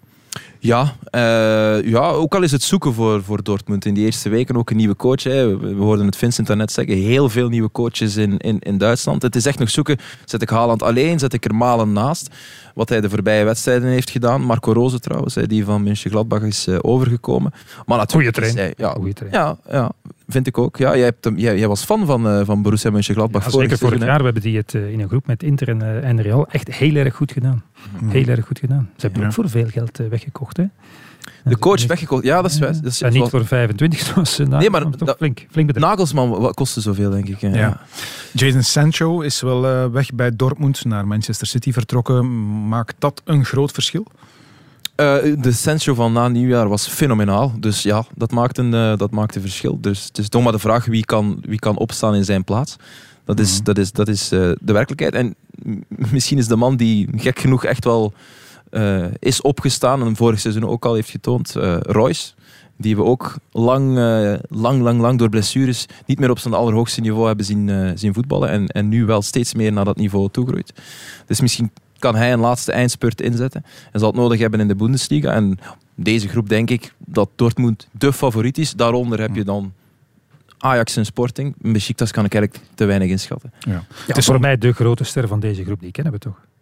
De grote ster van deze groep. Ja, de, eh, Erling Haaland, hè? Nee. Hoezo? Wacht, wacht, wacht, nog wat komen. Michi Batshuayi. ah, ja, Batsman natuurlijk. in Besiktas nu. Ah, ja, natuurlijk. Ja. Hij gaat alles, eh, alles stuk spelen, hebben we recent nog geleerd in eh, Kazan. zoals, hij daar, zoals hij daar stond te spelen, denk ik dat het helemaal goed komt op het eh, hoogste niveau. Nee, je twijfelt er dus aan, Ja. om het zacht uit te drukken. Men heeft mij dat nog eens gevraagd, wat verwacht je van eh Batshuayi bij Besiktas? Dan zeg ik, ja, helemaal niets meer. Ik bedoel, elk jaar opnieuw, toen hij leuke transfers maakte naar, naar leuke clubs, Mhm. dachten we, oké, ja, ja, Valencia bijvoorbeeld. Dortmund heeft dit een, een half jaar wel goed gedaan. Dan dachten we, ah, oké, Michi Batshuayi nu. Ja, ondertussen toch niet meer. Ondertussen toch niet meer. Dus als hij nu daar ineens eh, het niveau haalt dat hij zou moeten kunnen halen, ja, dan wel. Maar als ik hem dan, de manier waarop ik hem zie voetballen in Wit-Rusland, waar je dan toch een keer de kans krijgt om te voetballen, ik weet het wel, het is maar tegen Wit-Rusland, het stadion is, eh, is leeg. Ja, als je dan op een, een, een dergelijke nonchalante, half geconcentreerde manier slordig staat, eh, staat te spelen, dan maak ik mij daar toch zorgen over in het shirt van de nationale ploeg, eerlijk gezegd. Ja, er moet ook gewoon een reden zijn waarom het bij al die mooie clubs waar hij intussen toch al gepasseerd is, telkens nooit gelukt is. Maar Roberto Martinez zei, ik had, eh, en, en hij heeft de wedstrijd gezien, eh, van een paar wedstrijden, zei ja, ik heb voor het eerst de indruk dat een, een ploeg, zal ik maar zeggen, waar hij naartoe gaat, dat eh, deze bij hem past, meer dan de vorige. Toen had ik na één wedstrijd de indruk van, ja, hij past hier niet echt bij. Martinez ziet dat na één Mhm. wedstrijd, kan best. En dat gevoel had hij nu wel bij Besiktas, dus dat kan best. Hè, dat kan. Eh, Ik zou zeggen, we wensen hem dat allemaal toe, want we kunnen best nog wel een, een backup gebruiken voor, voor Lukaku. Maar ik denk dat... we wisten het al en het heeft het ons nog eens geleerd. Ja, de stolp die we over Lukaku moeten zetten voor de nationale ploeg kan eh, maar beter uit eh, gewapend glas bestaan. natuurlijk. Ehm, dan toch nog eens terug naar de, ik zou dan zeggen, op één na grootste Ja. ster van deze poelen, hè, Erling Haaland. Dit wordt echt wel zijn laatste seizoen voor Dortmund, hè, neem ik aan. Ik, ik heb altijd toch een beetje, en ze waren vorig jaar eh, veel te sterk voor Club Brugge in die twee wedstrijden bij, bij Dortmund. Helemaal overtuigd ben ik er niet van. Soms kunnen ze geweldig spelen. Maar soms is het ook, uh, is het ook maar halfslachtig. Dus ik, uh, uh, ik ben het eens met Aster. Ze zijn op papier de favoriet in deze groep. Maar, maar het beste Ajax, oké, dat hebben we nu dit seizoen ook nog niet gezien. Want Ajax nee. ligt ook fel onder vuur. Ja, dat moet daar niet zoveel voor onderdoen, denk ik eerlijk gezegd. Ajax won wel met 5-0 van Vitesse, Peter. Ja. ja, dat is waar. Nee, maar ik snap, ik snap wat je ja. ik, ik, snap, ik, snap wat je, ik snap wat je bedoelt, Peter. Het is een, een, een ploeg die heel wisselvallig is. En, en niet alleen, je weet niet wat je zal krijgen voor de aftrap, maar ook eens de bal aan het rollen is, kunnen ze van gedaante veranderen in een wedstrijd. Ja. Dat hebben we in de Champions League vorig jaar gezien. Tegen -hmm. Sevilla was het, denk ik. Uh, Inderdaad, tegen Sevilla toen ze zich uh, nog plaatsten, maar uh, met de hakken over de sloot. Over de sloot, terwijl ze ja, eigenlijk comfortabel op voorsprong mm -hmm. stonden. Maar als je het dan hebt over Ajax en het, en het verschil met België, het, ik, wou, ik wou er net misschien nog vragen aan Vincent, maar hij sloeg dan een andere, een andere weg in, waardoor ik hem niet wil onderbreken. Maar hij had het onder meer over die transfer, denk ik, van Darami, waar ze, mm -hmm. die ze heel graag wouden, wouden gaan halen. Bij Kopenhagen was dat, denk ik. Ah, ja. ja uiteindelijk, als je moet kiezen, kiest hij uiteraard voor, voor Ajax. Het feit dat je Berghuis voor 5,5 miljoen kan kopen, dat is, toch, dat is toch belachelijk. Ik heb die Berghuis zien spelen tegen, tegen Turkije. Die zo, zo goed. Zou hier in België de beste voetballer zijn? 5,5 miljoen is niks, hè? maar dat is ook de, de uitstraling die Ajax heeft in de eigen competitie. Ook daar beginnen zij steeds meer Bayern München uh, allures te krijgen. In een land dat nog veel voetbalgekker is. En, en het is een club die natuurlijk... Uh, als je kijkt naar de budgetten, ze hebben Haller gehaald vorig jaar in januari. Dat is ook een nieuwe speler in Europa. Ja, want ze hebben die, zijn die vergeten, uh, vergeten inschrijven, of wat was het probleem? Hij staat er nu op, ja. Ja, ja, ja, ja maar nee. Maar vorig jaar in januari hebben ze hem te laat ingeschreven, waardoor hij niet mocht ja. meedoen. En ze lagen eruit tegen Roma toen in de kwartfinales of achtste finales van... Of nee, zestiende finales, sorry, van, uh, van de Europa League. Maar... Uh, geheel ten onrecht eigenlijk in de, over de twee wedstrijden. Voetballend waren ze veel beter, en, ja. En de kansen ook, maar oké, okay, zo gaat het, ja. Niet afgemaakt. Okay. Maar dus, dus ja, ik, uh, goed, Sporting ken ik eigenlijk niet zo goed, moet ik eerlijk toegeven, dus daar kan ik niet zoveel over zeggen. Leuke ploeg ook. Echt. Ja. En Sarabia is daar nu naartoe. Ik ja. denk als soort van favor voor, uh, voor die Nuno Mendes. Ik ja. denk dat hij in die deal zit. Sarabia is toch geen slechte voetballer van. Die Nuno Mendes is uh, gehuurd hè, voor één jaar. Ja, wel, kijk, dan zal het... Verplichte optie 40 miljoen of zoiets. Ja. Is het een verplichte aankoopoptie? Waarschijnlijk, okay. want echt testen zullen ze, zullen ze het ook niet moeten nee, doen, nee. denk dus ik. Ik denk niet dat ze willen riskeren dat hij er 140 moet kosten. Nee, nee voilà, dat zal wel uh, bedongen zijn. En die Pedro Gonçalves, die heeft vorig jaar zowat de hele Portugese competitie uh, op een hoopje gespeeld. Ik heb Portugal gedaan op het EK, waardoor ik heel veel matchen van, uh, okay. van de Portugese competitie heb terugbekeken. Of enfin, toch, toch samenvattingen en zo. En die was fenomenaal. En dat hij 23 doelpunten heeft gemaakt voor een flankaanvaller. Dus ook kwaliteit. En dan Besiktas, dat, dat is de grote... Dat, dat kan je niet inschatten. Die Karaman, die hebben ze gehaald, zag ik. Maar van dat, Turkije. Plaatst, dat plaatst zich natuurlijk niet voor de tweede ronde. Voor de tweede ronde, nee, normaal gezien nee, nee. niet. Dus Besiktas is vier. Dat wat groep C betreft. Over naar groep D, de volgende in de rij met Inter, Real Madrid, Shakhtar Donetsk en uh, Sheriff Tiraspol. Zowaar. Uh, Aster, ik weet niet of je ook de Moldavische competitie even goed gevolgd hebt. Uiteraard. Jij geeft ons dan nu de elf van Sheriff Tiraspol. Ja, ik zal die nu geven. Tom, ik heb geanticipeerd op jouw vraag. Natuurlijk. Jij dus, wist dat deze kwam. Ja, dus ja. Arboleda is uh, de linkerflank uh, aanvaller Markovic in doel. Kolovos, die we nog kennen natuurlijk, Kolovos. Want die heeft gespeeld bij... Ken je hem niet? Weet ik, nee. nee. niet. Die, heeft bij KV Mechelen gespeeld nee. nog twee seizoenen. Dimitros okay. Kolovos. Ken je die echt niet? Okay, nee, ja. okay. zeg me niks. Nee. Cristiano Felipe Castaneda, Petro Radalic Stil en uh, Jan Sani. Oké, okay. tot zover de analyse zou je zeggen van uh, Sheriff Tiraspol. En de coach? Heet? Ja. De coach? Ja. Nee, dat weet ik niet van Staat er niet op. Dat nee. weet ik, blad. Deze groep uh, lijkt een beetje op uh, die van uh, vorig seizoen, als je Tiraspol dan even niet meer ah, ja, drie van de vier. Ja, inderdaad. Dat was wel grappig wat Borussia Mönchengladbach tweette. Want dat was de ploeg die ontbrak. Die ja, zei ja, van, ja, blijkbaar moet onze uitnodiging voor de juni van vorig jaar in de post verloren zijn geraakt. dat was wel grappig. Dat is heel snel, het was vijf minuten na de loop. Maar dat, was, dat was echt een heel leuke groep. Om, ik heb ja. daar redelijk wat wedstrijden van becommentarieerd in, in de groepsfase. was het een heel leuke groep om, uh, om te ja. doen. En Shakhtar, die, die gedecimeerd waren door COVID... Die gingen dus winnen bij Real Madrid met de tweede ploeg. Want er waren er tien of elf die, die door COVID uh, geveld waren. Ja. Dus twee keer gewonnen van, uh, van Real Madrid. Maar Real Madrid heeft die groep uh, uiteindelijk wel gewonnen toen. En laat ons daar maar misschien beginnen meteen met de Koninklijke. En met deze uitspraak ook van jou, Peter, van vorig seizoen.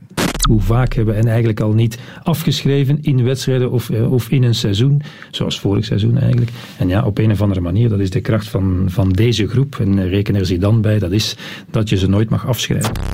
Real mag je nooit afschrijven. Geldt die regel ook uh, dit seizoen opnieuw? Maar dat hangt er vanaf voor de tweede ronde niet natuurlijk. Nee, maar eh, daarover heb ik het niet, eh, eh. ah, maar nee, het, het is niet dat Real Madrid gaat geen rol spelen in de eindfase van de Champions League. Nee, eh, Nee. 100, Dus- 500 procent zeker. Vorig seizoen zei je duizend. Ja. Duizend? Ja, met- Ja. ouder worden word ik wat voorzichtig.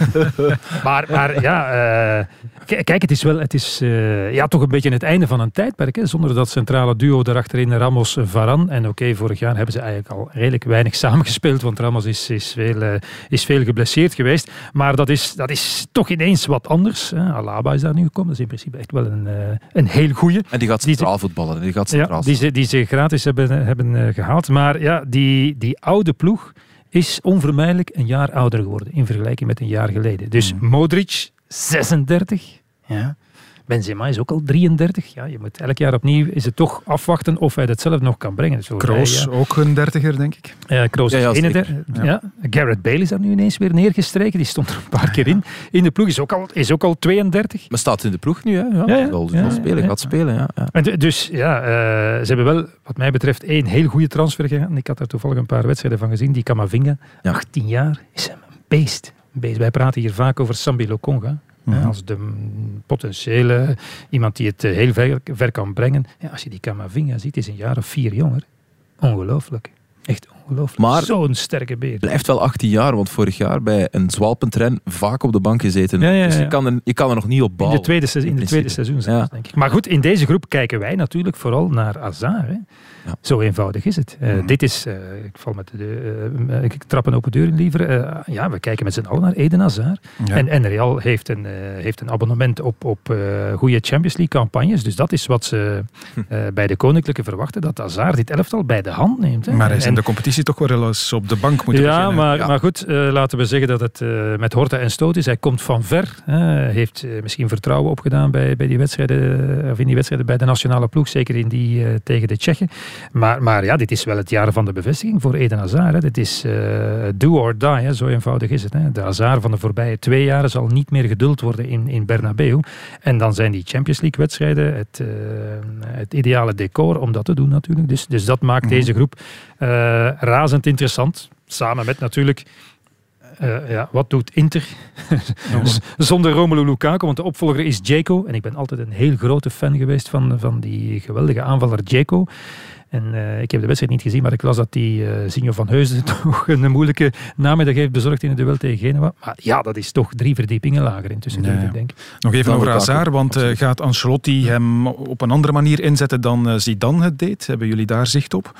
Oh, dat, dat, dat denk ik niet. Daar heb ik, geen- Nee. daar heb ik, daar heb ik geen idee van. Ik weet wel... In de, val- in de balans met Vinicius. Wel, dat wou ik zeggen. En, en Vinicius is een jonge speler die eh, vond ik vorig seizoen in, in, in de, in, na de groepsfase, ook in de groepsfase, ja, toch wat progressie leek te maken. Wat meer eh, doelgericht was, wat minder eh, on- onvoorspelbaar en, en eh, ongeleid projectiel. Dus ja, misschien heeft hij er een flinke kluif aan. Eh, Vinicius, die uitstekend aan het seizoen begonnen is, Ja. die Real gered heeft hè, op, op, op Levante. Ik denk nog altijd, omdat Hazard nu een goede interlandperiode heeft gehad, Bale ook, dat dat nu de twee jongens zijn die denk ik het streepje voor hebben. Maar je bent maar één mindere prestatie weg van, van een, een, een- plaats op de bank. Dat is de realiteit voor, voor Hazard met een Vinicius die op, eh, op de deur aan het kloppen is. Ja, je zou En ik denk- zeggen... Ja, sorry, zeg Nee, zeg maar. maar ik denk dat de grootste, het grootste verschil misschien voor Real kan zijn. Die hebben twee jaar, we mogen dat echt niet onderschatten, in dat ja, kut stadion eh, gespeeld. ja, daar eh, het Alf, nee, nee, hoe heet het daar? Alfredo Di Stefani? Valdebebas. Val- Valdebebas. Valde- Valde- Valdebebas. Ehm, en nu is het, eh, is het Bernabeu klaar, denk ik. Ik denk dat ze dit weekend tegen Celta de Vigo... Oké, Ze spelen daarin. Ik denk dat dat nog altijd wel aangebouwd is, maar ze spelen erin. het is speelklaar in ieder geval. En ik denk dat dat een groot verschil kan maken. Hazard heeft dat ook in, een- in een interview gezegd. Hè.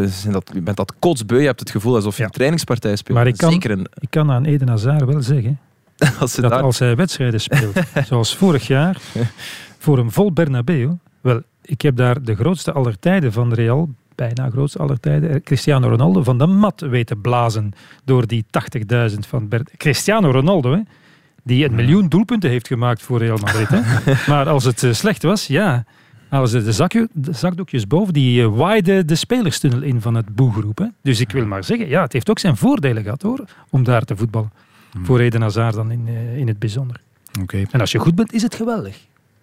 Zeker weten. Dus wees maar goed, Eden. Ik ben benieuwd hoe het eh, is met de tevredenheid van de supporters van Inter, want daar is er toch veel Hmm. veranderd. Eh, twee van de mannen die daar alles vorm gegeven hebben vorig seizoen zijn er niet langer. Antonio Conte en Romelu Lukaku. You, you won this trophy. Yeah. For the first time. Grazie, mister.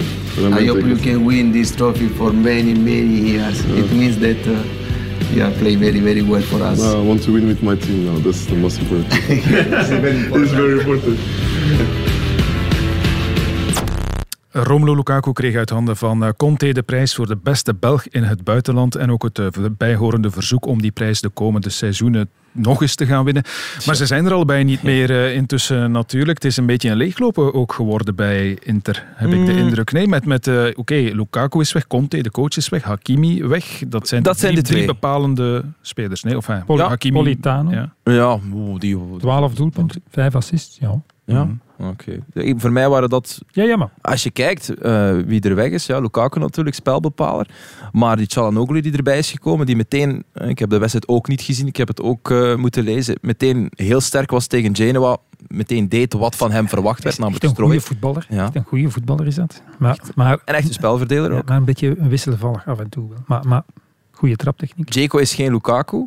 Dat is, dat is ook zo. Inzaghi weten we nog niet, maar zal waarschijnlijk geen, geen, eh, geen Conte zijn. Dus het, is, het, het, het, Nee, als het zal geen 12 punten voorsprong zijn. Nee, als je- als je Misschien zal het zelfs geen titel zijn. Als je kijkt naar eh, wie heeft Inter vorig jaar gemaakt, hè, wat, wat Tom zei. Ja, Conte in de eerste plaats heeft daar een machine van gemaakt. En Lukaku was zijn belangrijkste pion. En die zijn vertrokken. Ja, dan heb je, hoe je het ook draait of keert, en eh, mogen die anderen nog flink hun best doen, ja, zet je twee stappen achteruit. En niet vergeten, in die twee wedstrijden vorig jaar in de groepsfase tegen Real, hè, dat, was, dat was twee keer Real met de rug tegen de muur. Ja, was het toch twee keer Real. Ja, was het toch twee keer Real. Zelfs dat beste Inter toen, dat, dat wat mij betreft toch eh, meer kwaliteit had, ja, moest het dan finaal toch afleggen tegen, tegen Real Madrid in, in de groepsfase, voor alle duidelijkheid. Ja. Maar Real en Inter door, mag ik het zo opschrijven? dat in deze sowieso, dat is Ja, sowieso, maar Ja, kijk, dat Shakhtar, daar heb ik mij dus donkerblauw aan geërgerd. Donkerblauw. In die wedstrijden tegen Genk eigenlijk al. Ik heb zelden een elftal geweten, allemaal Brazilianen zoals je weet. Mhm. eh, dat, zo irrit- dat zo goed kan voetballen en dat toch zo irritant doet. Met die, met die Marlon achterin. Marlon is toch achterin? Marlon, ja. Ja, achterin. Die, die zijn voeten de hele tijd op de bal zet en staat te staan. En die paasjes opzij geven en zo. En zo hebben ze eh, nu, een maand later, weet ik nog altijd niet, eh, Monaco uitgeschakeld. Terwijl ze dus op de eerste 20 minuten na in de heenwedstrijd, in de play-offs, eh, ja, achter de bal hebben gelopen. Niets hebben gedaan. Monaco was, was eh, drie keer beter.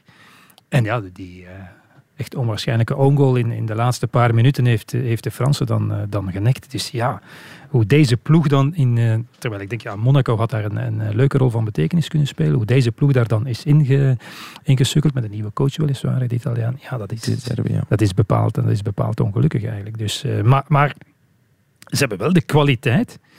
hè, Hebben ze vorig jaar bewezen wat ik al zei. Ze hebben wel de kwaliteit in principe, als ze willen voetballen, als ze, dat ze die kwaliteit gebruiken, om zeer vervelend te zijn voor die twee eh, favorieten.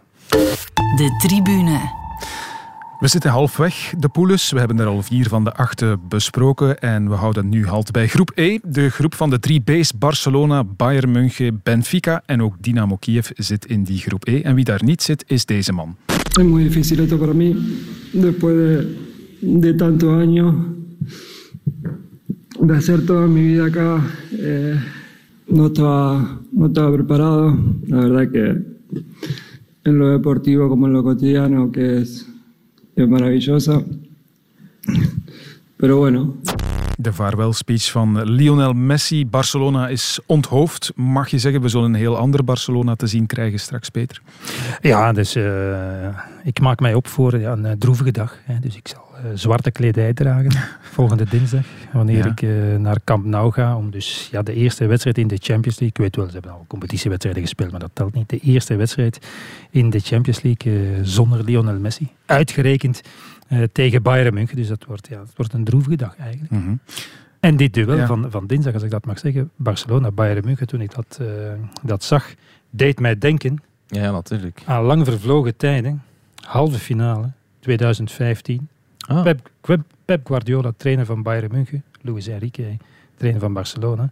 En Pep speelde dus man op man, drie mensen op de middenlijn. Dus het was nog Neymar, Suarez, Messi. En hij zette daar drie verdedigers tegen op de middenlijn.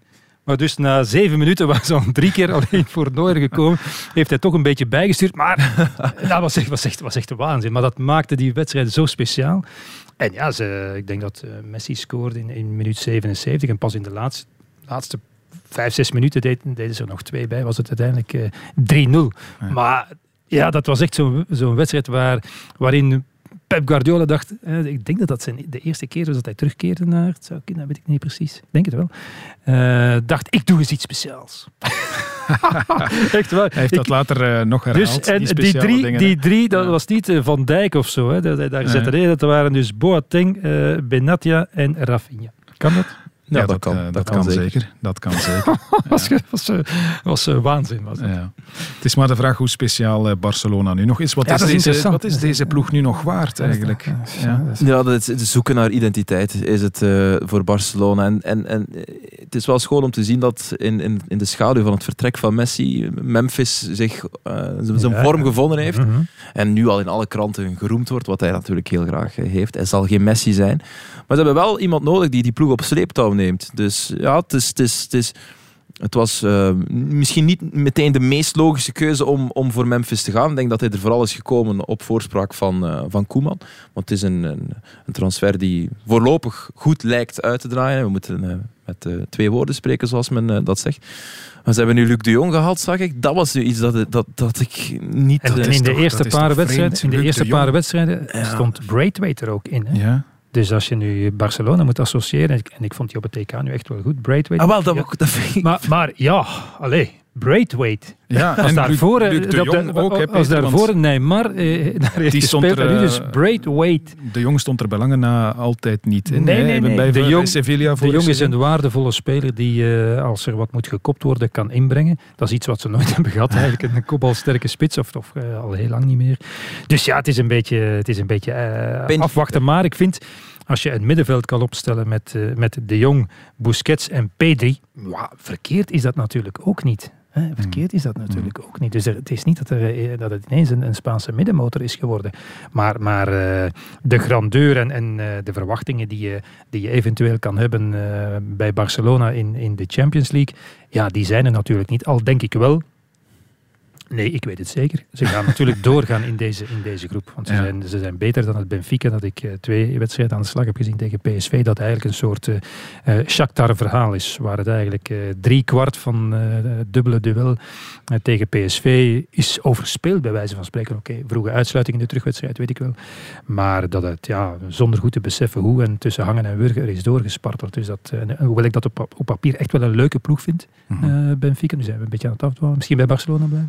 Och, eh, in de ga je gang. Ja, dus- dus mag. We zitten nog altijd in de juiste Ja, dus, dus ik vind Benfica echt een leuke ploeg om naar te kijken. Zoals ik Ja. die vorig jaar zag spelen tegen Standaard. En zoals ze vreemd genoeg ook de eerste 20 minuten speelde eh, tegen PSV. Daar zit echt geweldig veel voetbal in. Rafa Silva is ook zo'n voetballer waar ik Mhm. om een of andere reden een zwak voor heb. Eh, Ja, terecht. terecht. Ja, en- en, op eh, DK viel die ook eens en- goed in. Ja, en, en Jaremchuk voorin. Die, die Darwin Núñez werd vorig jaar als een grote sensatie aangekondigd, maar is, is geblesseerd geweest. Ik weet niet hoe, hoe snel hij terug is.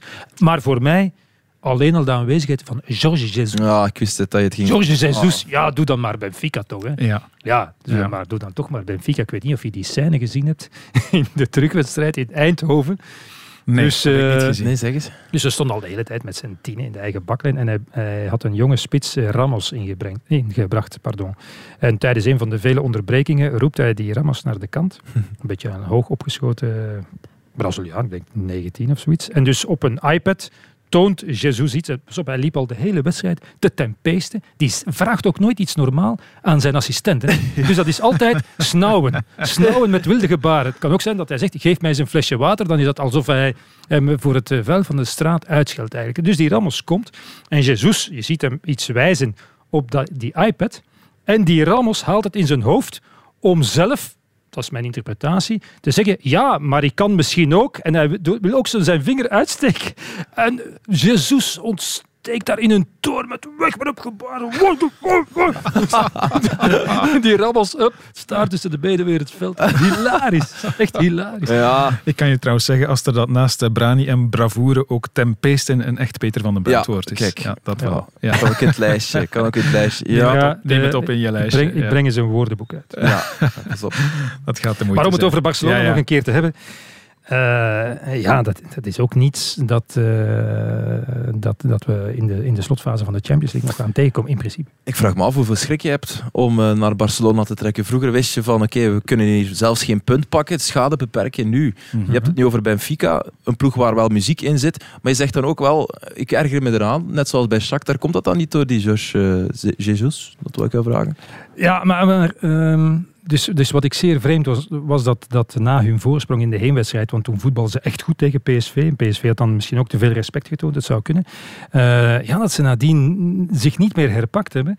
En dat ze, dat ze eigenlijk in die terugwedstrijd ook meteen redelijk snel in de wedstrijd eh, bijna in hun eigen recht ook geparkeerd stonden en daar geen antwoord op vonden. En nog een keer, ik denk dat ze na, na een half uur ongeveer met een man minder vielen. Een, een domme uitsluiting van die jonge ehm, Braziliaan ook achterin, denk ik, die, die in de plaats van Vertongen speelde. Eh, dus dat, dat waren wel een beetje de omstandigheden natuurlijk. Maar, maar eh, het, het Benfica dat niveau haalt en wil voetbal, ja, dat kan wat rapen op Barcelona. Ja. ja. Blijft Vertongen daar zeker van zijn plaats Dat weet ik binnen niet. dat elftal? Dat weet ik niet. Nee. Want de, ik ben nu even zijn naam kwijt. Eh, ja, die kreeg dan toch de voorkeur op Jan Vertongen in die wedstrijd. Cruciale wedstrijd. Natuurlijk, eh, Jan kwam pas uit blessure en misschien dat het risico toch een beetje groot was. En, en, eh, Lucas Verissimo. ja, Ja. ja. inderdaad, dat is het. Ja. Oké. En, en ehm, wat, wat eh, Jan Vertongen daar nog goed deed, was ja, was mee verdedigen in de eigen baklijn. We hebben het daar al vaak over gehad bij de Rode Duivels. Dus ja, ze stonden daar de hele tweede helft. En ballen wegkoppen en wegtrappen was wel... eh, dus dat deed hij nog prima. Maar, maar ehm, ja, eh, het zal toch de beste versie van Jan Vertongen moeten zijn om overeind te blijven, denk ik, in, eh, in dat elftal, in, in de concurrentiestrijd. Want ja, dit, die hebben ook een, een eh, stevig brede kern. Mhm.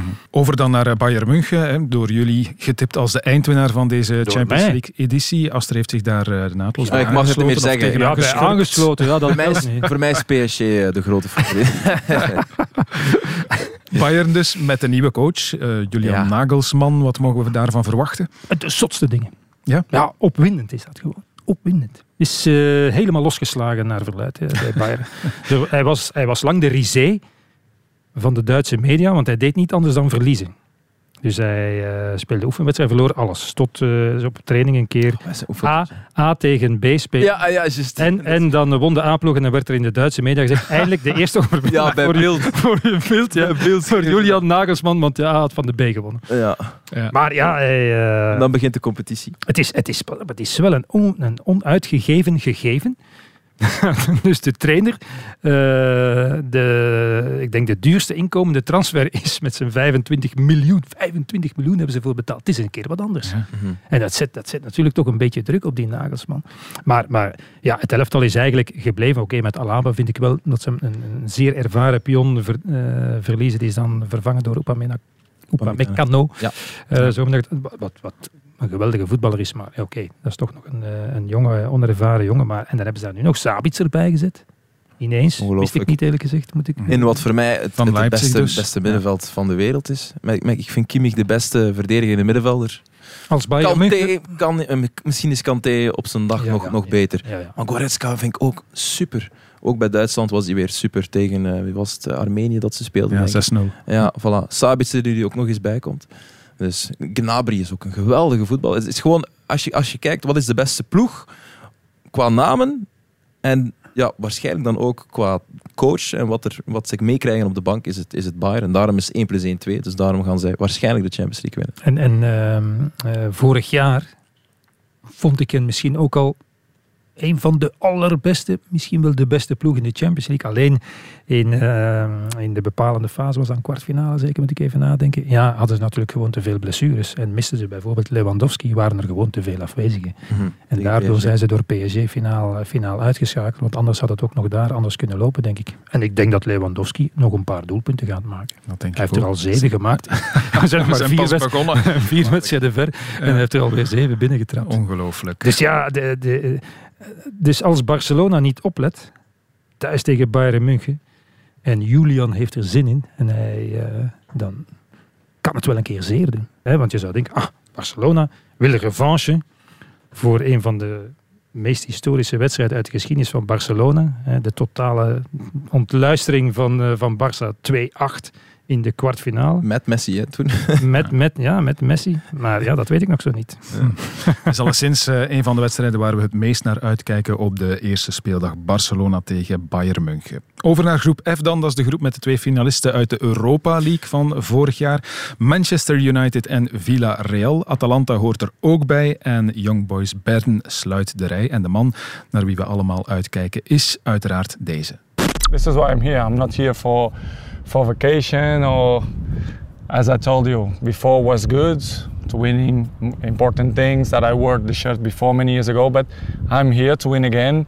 I'm capable, me and my teammates. Uh, I'm ready to go. I'm ready to go, and I think it's a it's a good chance for me, for the supporters, for the the the club, you know, to give one step ahead. So I'm ready, and I think I will be a huge thing in the next I know you're three four years. Cristiano Ronaldo, als je over de Champions League spreekt, hij heeft hem vijf keer gewonnen. En vooral dat laatste was, eh, was Ja. toch weer de moeite. I will be a huge thing the next three or four years. Ja, dat, Dus- zegt, dat zegt veel. En hij was ook al aan het zeggen van ja, we'll try to put pressure on Audi to get into the starting 11. Dus hij wil dit weekend nog gewoon al in de basis staan. Hij wil niet gewoon invallen tegen Newcastle. Hij wil al meteen in de helft staan. Maar dat wil je. Dat Ja. wil je. Als je een, hoe oud is hij, 4, 35-jarige koopt. Ja, Ik denk al 36. Is dat al 36? Ja, ja, ja. Oeh. Ja, ja. Ja, En het ah grappige 85, is, ja, klopt. ik zie hem dat eh, nog wel doen, Peter. Die drie of misschien vier jaar op topniveau. Oei, dat Nee? is, eh, daarover durf ik nu geen eh uitspraak te Goh. doen. Ja, als je Misschien- ziet, misschien- misschien als je wel, hem ziet eh, puur fysiek, is Ja, daar ja. toch nog geen eh, spatje, spatje mm, Nee, slijtage maar hij, op. Hij, hij brokkelt steeds verder af van, van de voetballer die hij ooit was. Hè. Op, zijn, op, zijn, eh, op, op, zijn, op zijn topniveau was hij en supersnel en heel drippelvaardig. En koppelde hij daar in zijn eerste seizoenen bij Real ook doelpunten aan vast. hij is pas op, enorm Aster. veranderd als voetballer. Maar, maar pas op, Aster, doelpunten, dat is dus gebleven. Hè. Toen hij zijn overstap Ah, ja. aankondigde, ik heb de cijfers nu niet meegebracht, hè, want Juventus wordt gezegd, ja, Juventus, ja, dat is eigenlijk, eigenlijk mislukt. Hè. Ja, Juventus mislukt, want hij was gehaald om voor Juve dan die beslissende Ja, stap te heeft- Eindelijk een, een rol van betekenis te kunnen spelen, ver te geraakt, de Champions League te winnen eigenlijk. En dat is niet gelukt, integendeel, hij, hij draaide zich letterlijk weg van de Champions League, waardoor de bal op de rug botste, die vrije trap. Ja, die eh, vrije trap tegen Porto en daardoor eh, ging hij doel. Maar, maar eh, hij heeft er vorig jaar denk ik nog 36 gemaakt. Hè? Ja. 36 en ook de jaren daarvoor. Dus hij heeft meer dan 100 doelpunten gemaakt voor Juve. Alleen kwam hij ja, bij lange niet meer in het beste eh, Juve terecht. Maar als hij in een, in een soepel draaiend elftal, zoals dat van Man United misschien terechtkomt, ja, dan gaat hij opnieuw een korf doelpunten Maar maken. daarom- Dat denk ik dan weer wel. Daarom heb ik het ook niet goed begrepen waarom ze bij Juventus eigenlijk wel Nee. ja, er helemaal geen probleem mee hadden van ja, vertrek maar. ook eh, financieel- andere redenen. Ja, nee, en los van het financiële gaat het ook om het tactische. Ronaldo, dat is zoals een planeet. Al, alles wat rond hem komt, begint in een baan rond zich te draaien, rond hem te Daar hebben we het draaien. zonnestelsel Ja, daar hebben we het, het zonnestel. Ja, Peter is ermee begonnen. Hè. Ja. Hij kan het wel veel poëtischer brengen dan ik, moet ik, Mhm. eh, moet ik zeggen.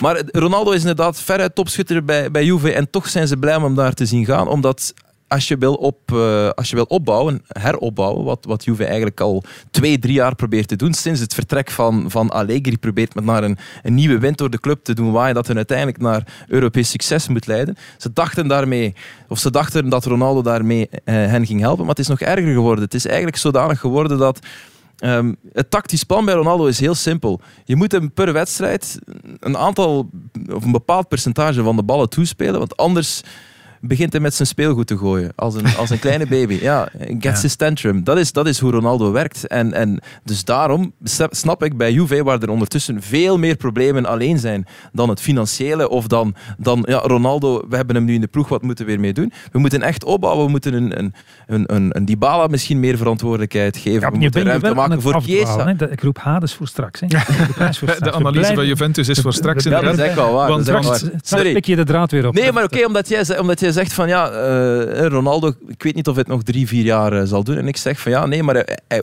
hij wordt steeds minder voetballer en steeds meer alleen maar goalmachine. Oké, maar laat ons Dus beginnen in met, met dit seizoen en niet over drie jaar kijken. Maar Dus zie bij- je het dan niet werken dit seizoen? Jawel, absoluut. Ah, ja, absoluut wel. Ja, ja. Maar je moet hem steeds specifieker gaan Drie, inzetten. vier is, is op die leeftijd is dat een eeuwigheid. hè, Ja, Tom, ja. hè? Ja, vier jaar is echt Nee, nee, wel... maar dan is oké, hem- dan dit seizoen. veertig. Ja, ja, ja. dit ja, seizoen. tuurlijk. Als je het als absoluut ziet marcheren. Wat, wat hij eh, heeft aan fouriers, Ja.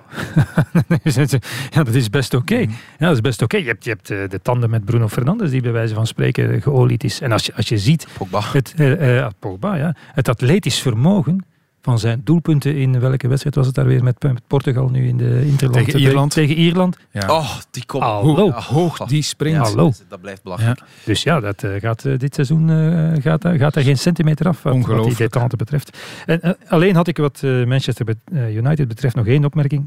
Ik zou een keeper gekocht hebben. Mhm.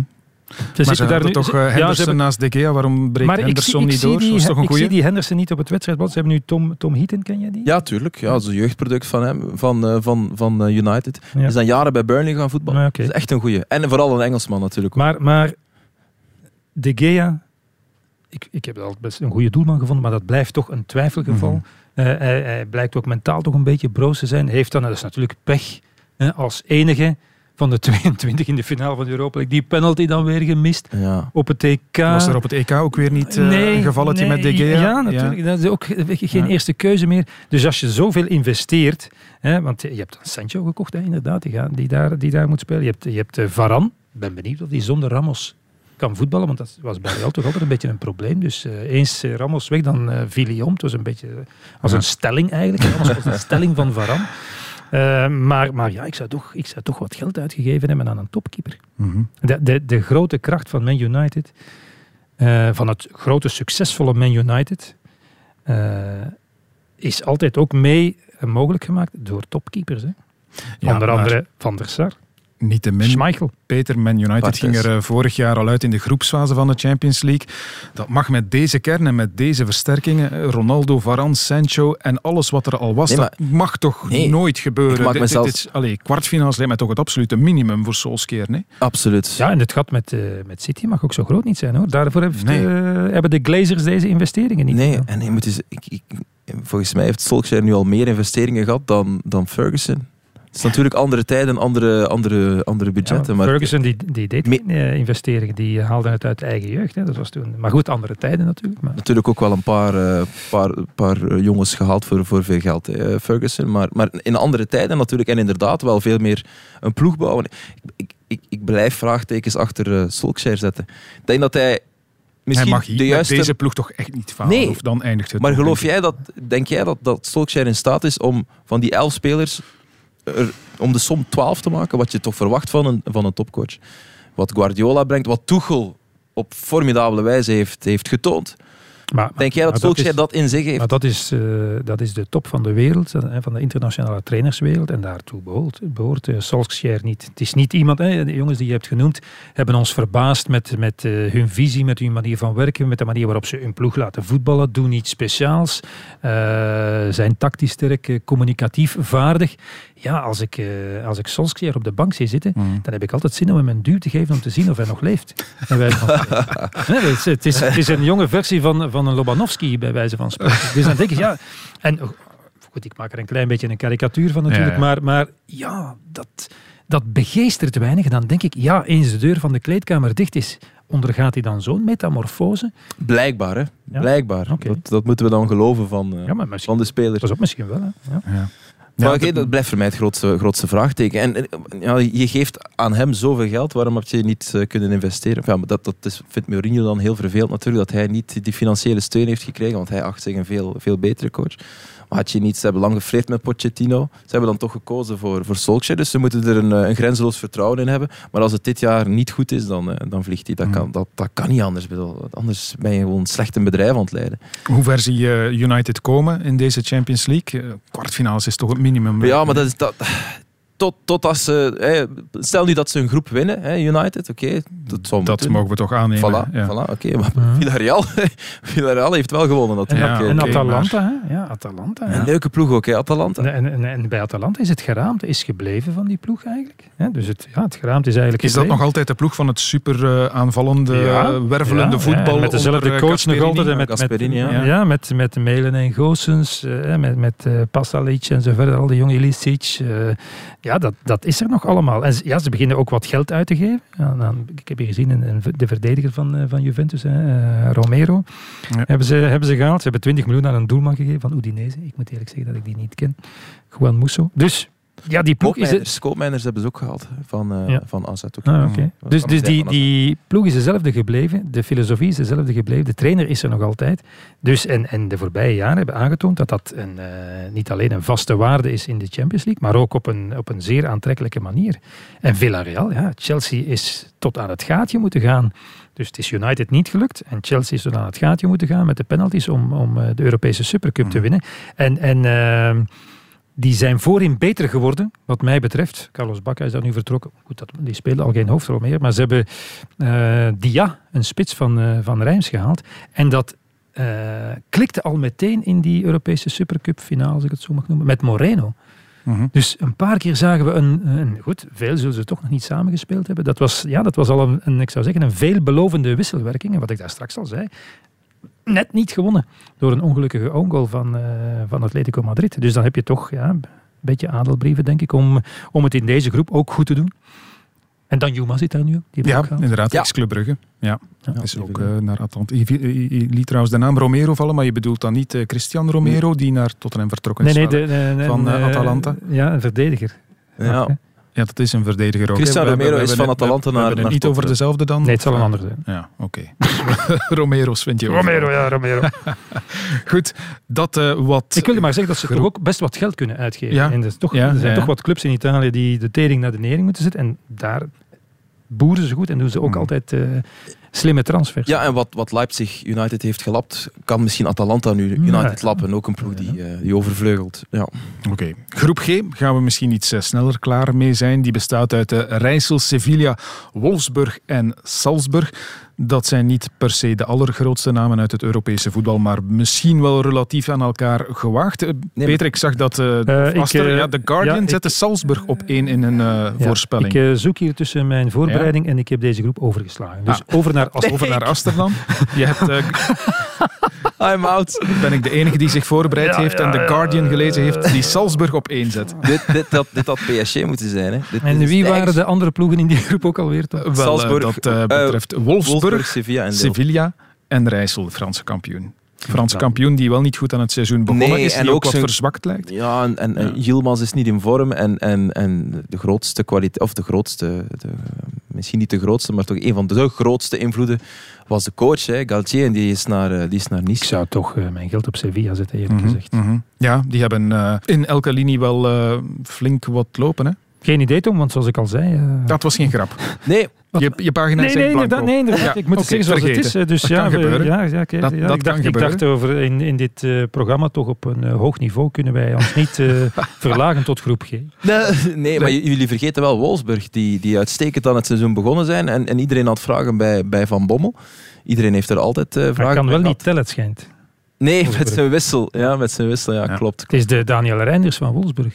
Hij doet een wissel te veel. Ja, klopt. Ja, alleen, alleen, ja, alleen eh, ja, had, eh, had eh, RWDM, hè, het, Mhm. Renders, het geluk eh, dat eh, Roger van den Stok over zijn hart streek en geen klacht indiende. Maar ja, Mhm. Wolfsburg ligt wel uit de beker. Ja, Ja, ja, ja. tegen een kleine ploeg. Ja. Had hij had begrepen dat hij nog een zesde wissel mocht doen? Het is wel verwarrend. Ik, eh, zeg, ik even ter verdediging van, eh, van Bommel. hè.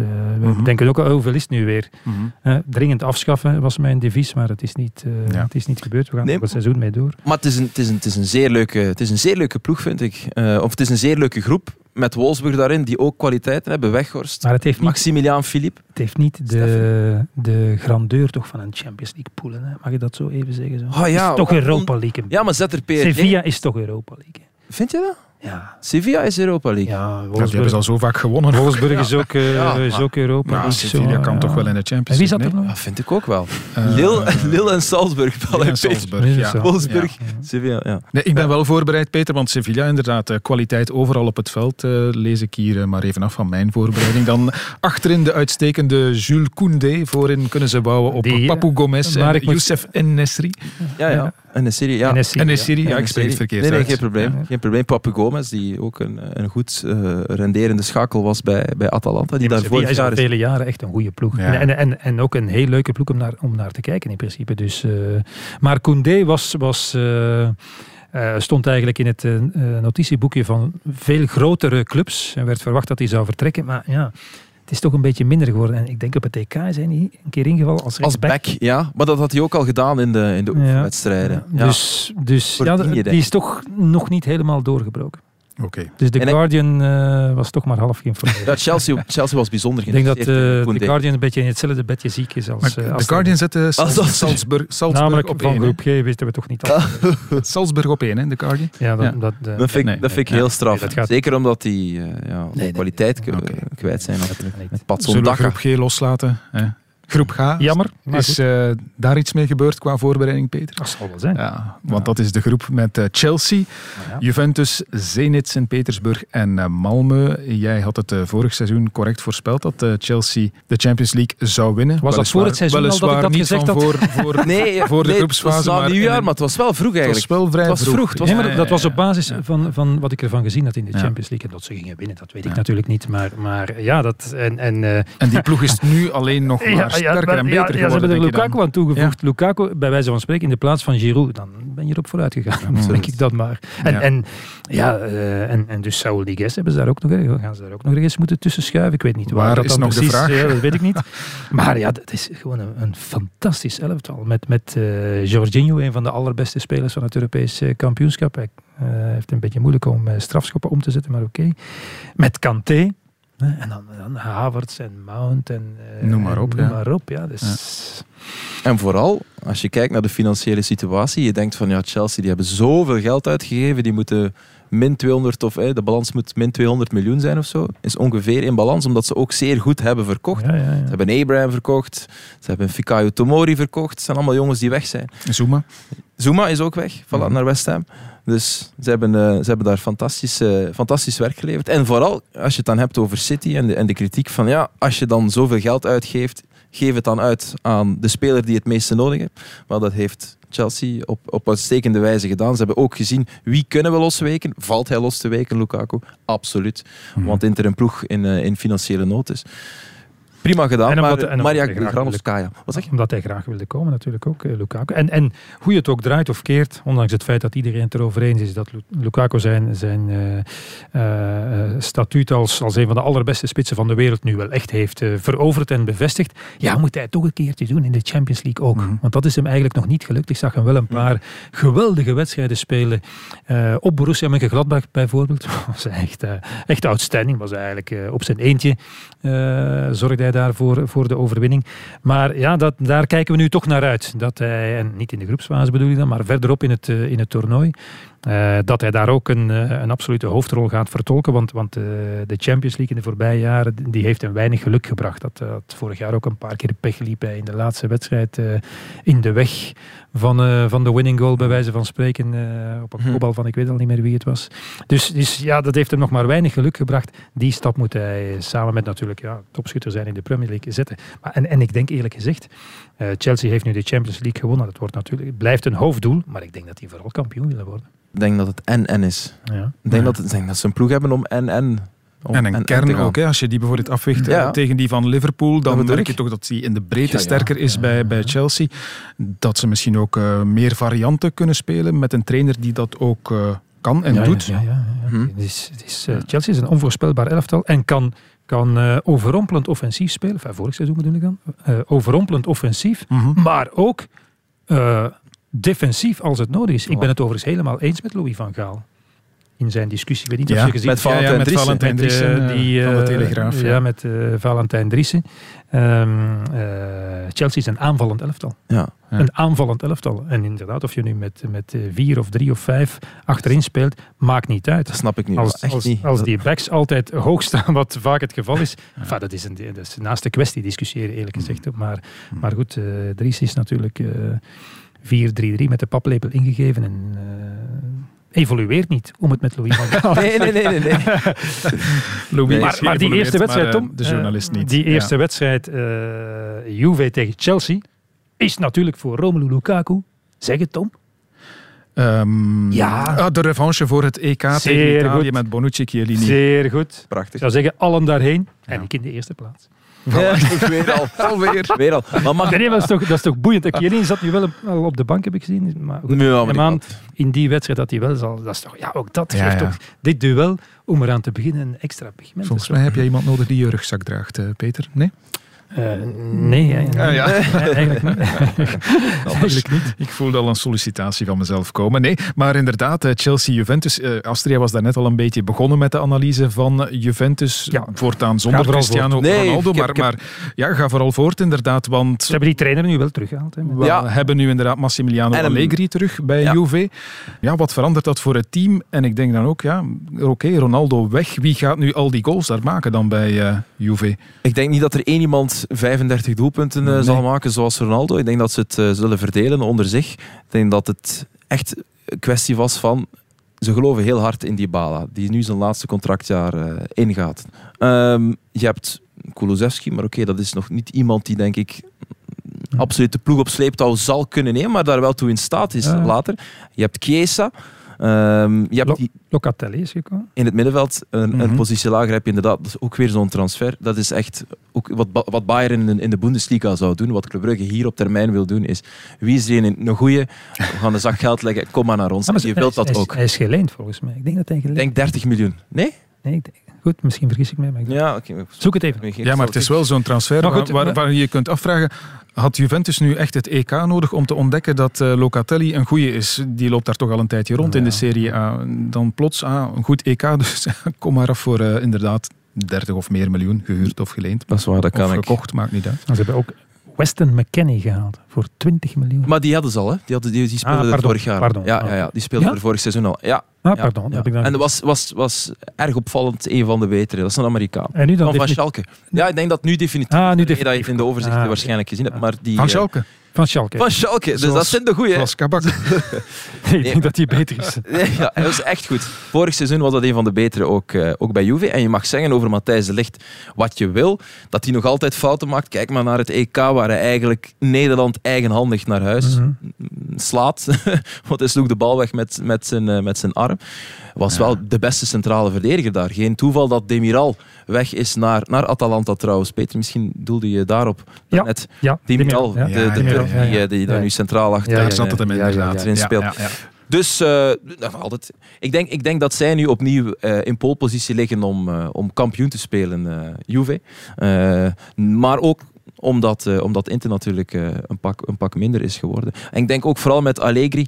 Ja, eh, omdat het niet lukte in Europa en de drang zo groot was om de Champions League te winnen, hebben ze, denk ik, met veel tegenzin toch maar beslist om de samenwerking met Allegri te beëindigen. Ze hebben zich dan volledig vastgereden in, in coaches die ofwel niet klaar waren, Pirlo, ofwel Juve niet lagen, zoals het geval was met, eh, met, met Sarri. En dan, het feit dat hij nu terugkeert, is een beetje een fout toegeven voor Juve. Dat, dat, daarmee zullen ze moeten leven. Het is dan wel slim van Allegri dat hij meteen eh, zegt bij het binnenkomen, ja, maar nu wil ik wel een eh, grotere inspraak bij transfers. Ja, natuurlijk, je moet het ijzer smeden eh, als, het, als het heet is natuurlijk. hè. En Mhm. heeft een paar eisen doorgedrukt. Maar ik geloof er wel, van, want ik ben wel fan van, van Allegri. Eh, die, die openlijk durft zeggen, voetbal, mooi voetbal, ja, bla bla bla, zal wel allemaal. Zowat het omgekeerde van wat Sarri zegt. Ik wil alleen maar winnen. Eh, Dus benieuwd, maar ook vooral enthousiast over de terugkeer van Allegri. Oké. Tenzij jullie nog een analyse willen maken van Zenit en Malmö, stel ik voor dat we stilaan gaan eh, afronden. Nee, maar ik, Nee? mag ik wel één ding zeggen, want dat zal Ja. misschien onpopulair zijn. Ik vind dat eigenlijk dat soort poules heel jammer voor de Champions League. Je hebt Chelsea-Juve en dat is een leuke wedstrijd om naar te kijken, maar dat is een beetje zoals Club Brugge-Anderlecht of Club Brugge-Genk, moeten we nu zeggen tegenwoordig, op de derde speeldag van de reguliere competitie. Leuke Mhm. topper, maar waarover gaat het? In de long run, Malmö en Zenit gaan niet, niet doorgaan. Dit is de poele, denk ik, die het meest uitgesproken is om te zeggen, of waar je echt kan zeggen, die twee ploegen gaan door. Juve Chelsea gaan sowieso door. Bij, zelfs bij Inter Real kan je nog zeggen, Shakhtar gaat soms... hè, Ja, ja. Kan het nog Real als die niet geconcentreerd zijn? Maar dit is gewoon, ja, deze twee gaan door. En who cares of Zenit of Malmö Jij waagt dus vanaf nu ook aan voorspellingen, Aster, begrijp ik. Shit. Eh, dat is jouw eerste voorspelling dan in deze Ja, groep gaan Chelsea en. Juve door. als, laten we zeggen, als eh, beginnende voorspeller lijkt me dat een veilige voorspeller. Ja, dus, ja.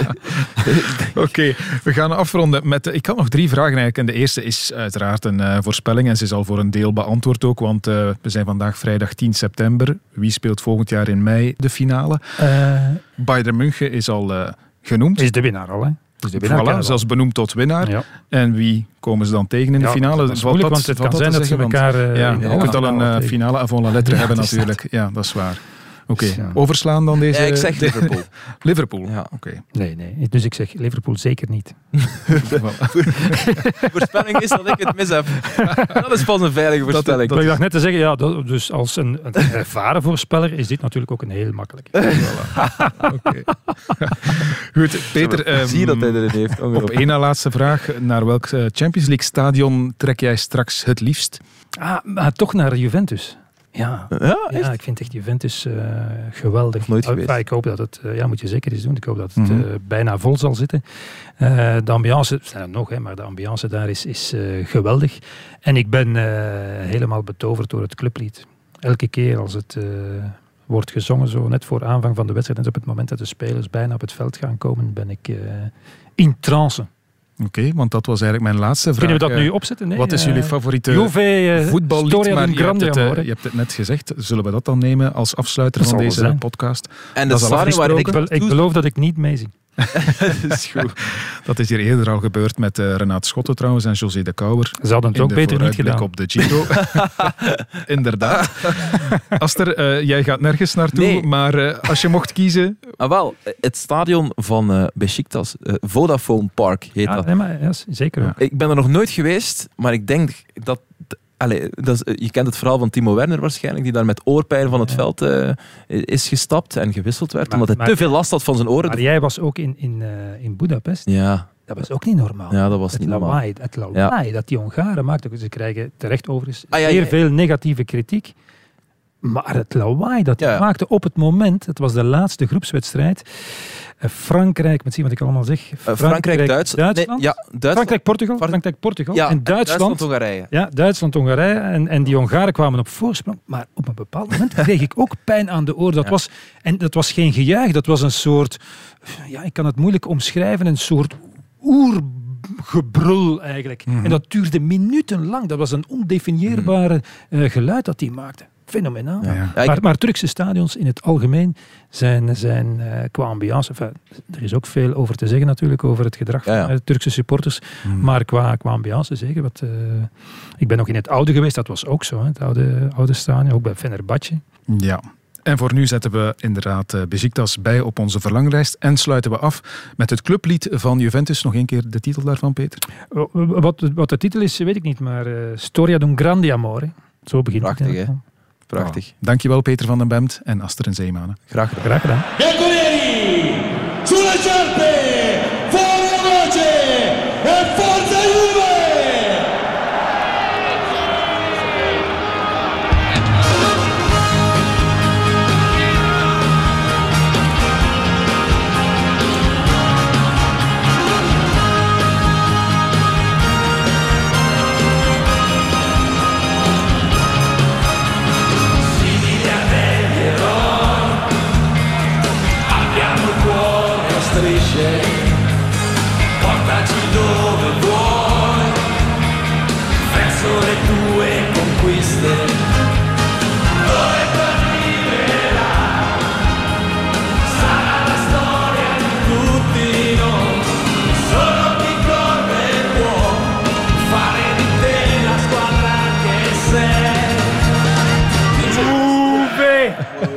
Storia d'un grande amore.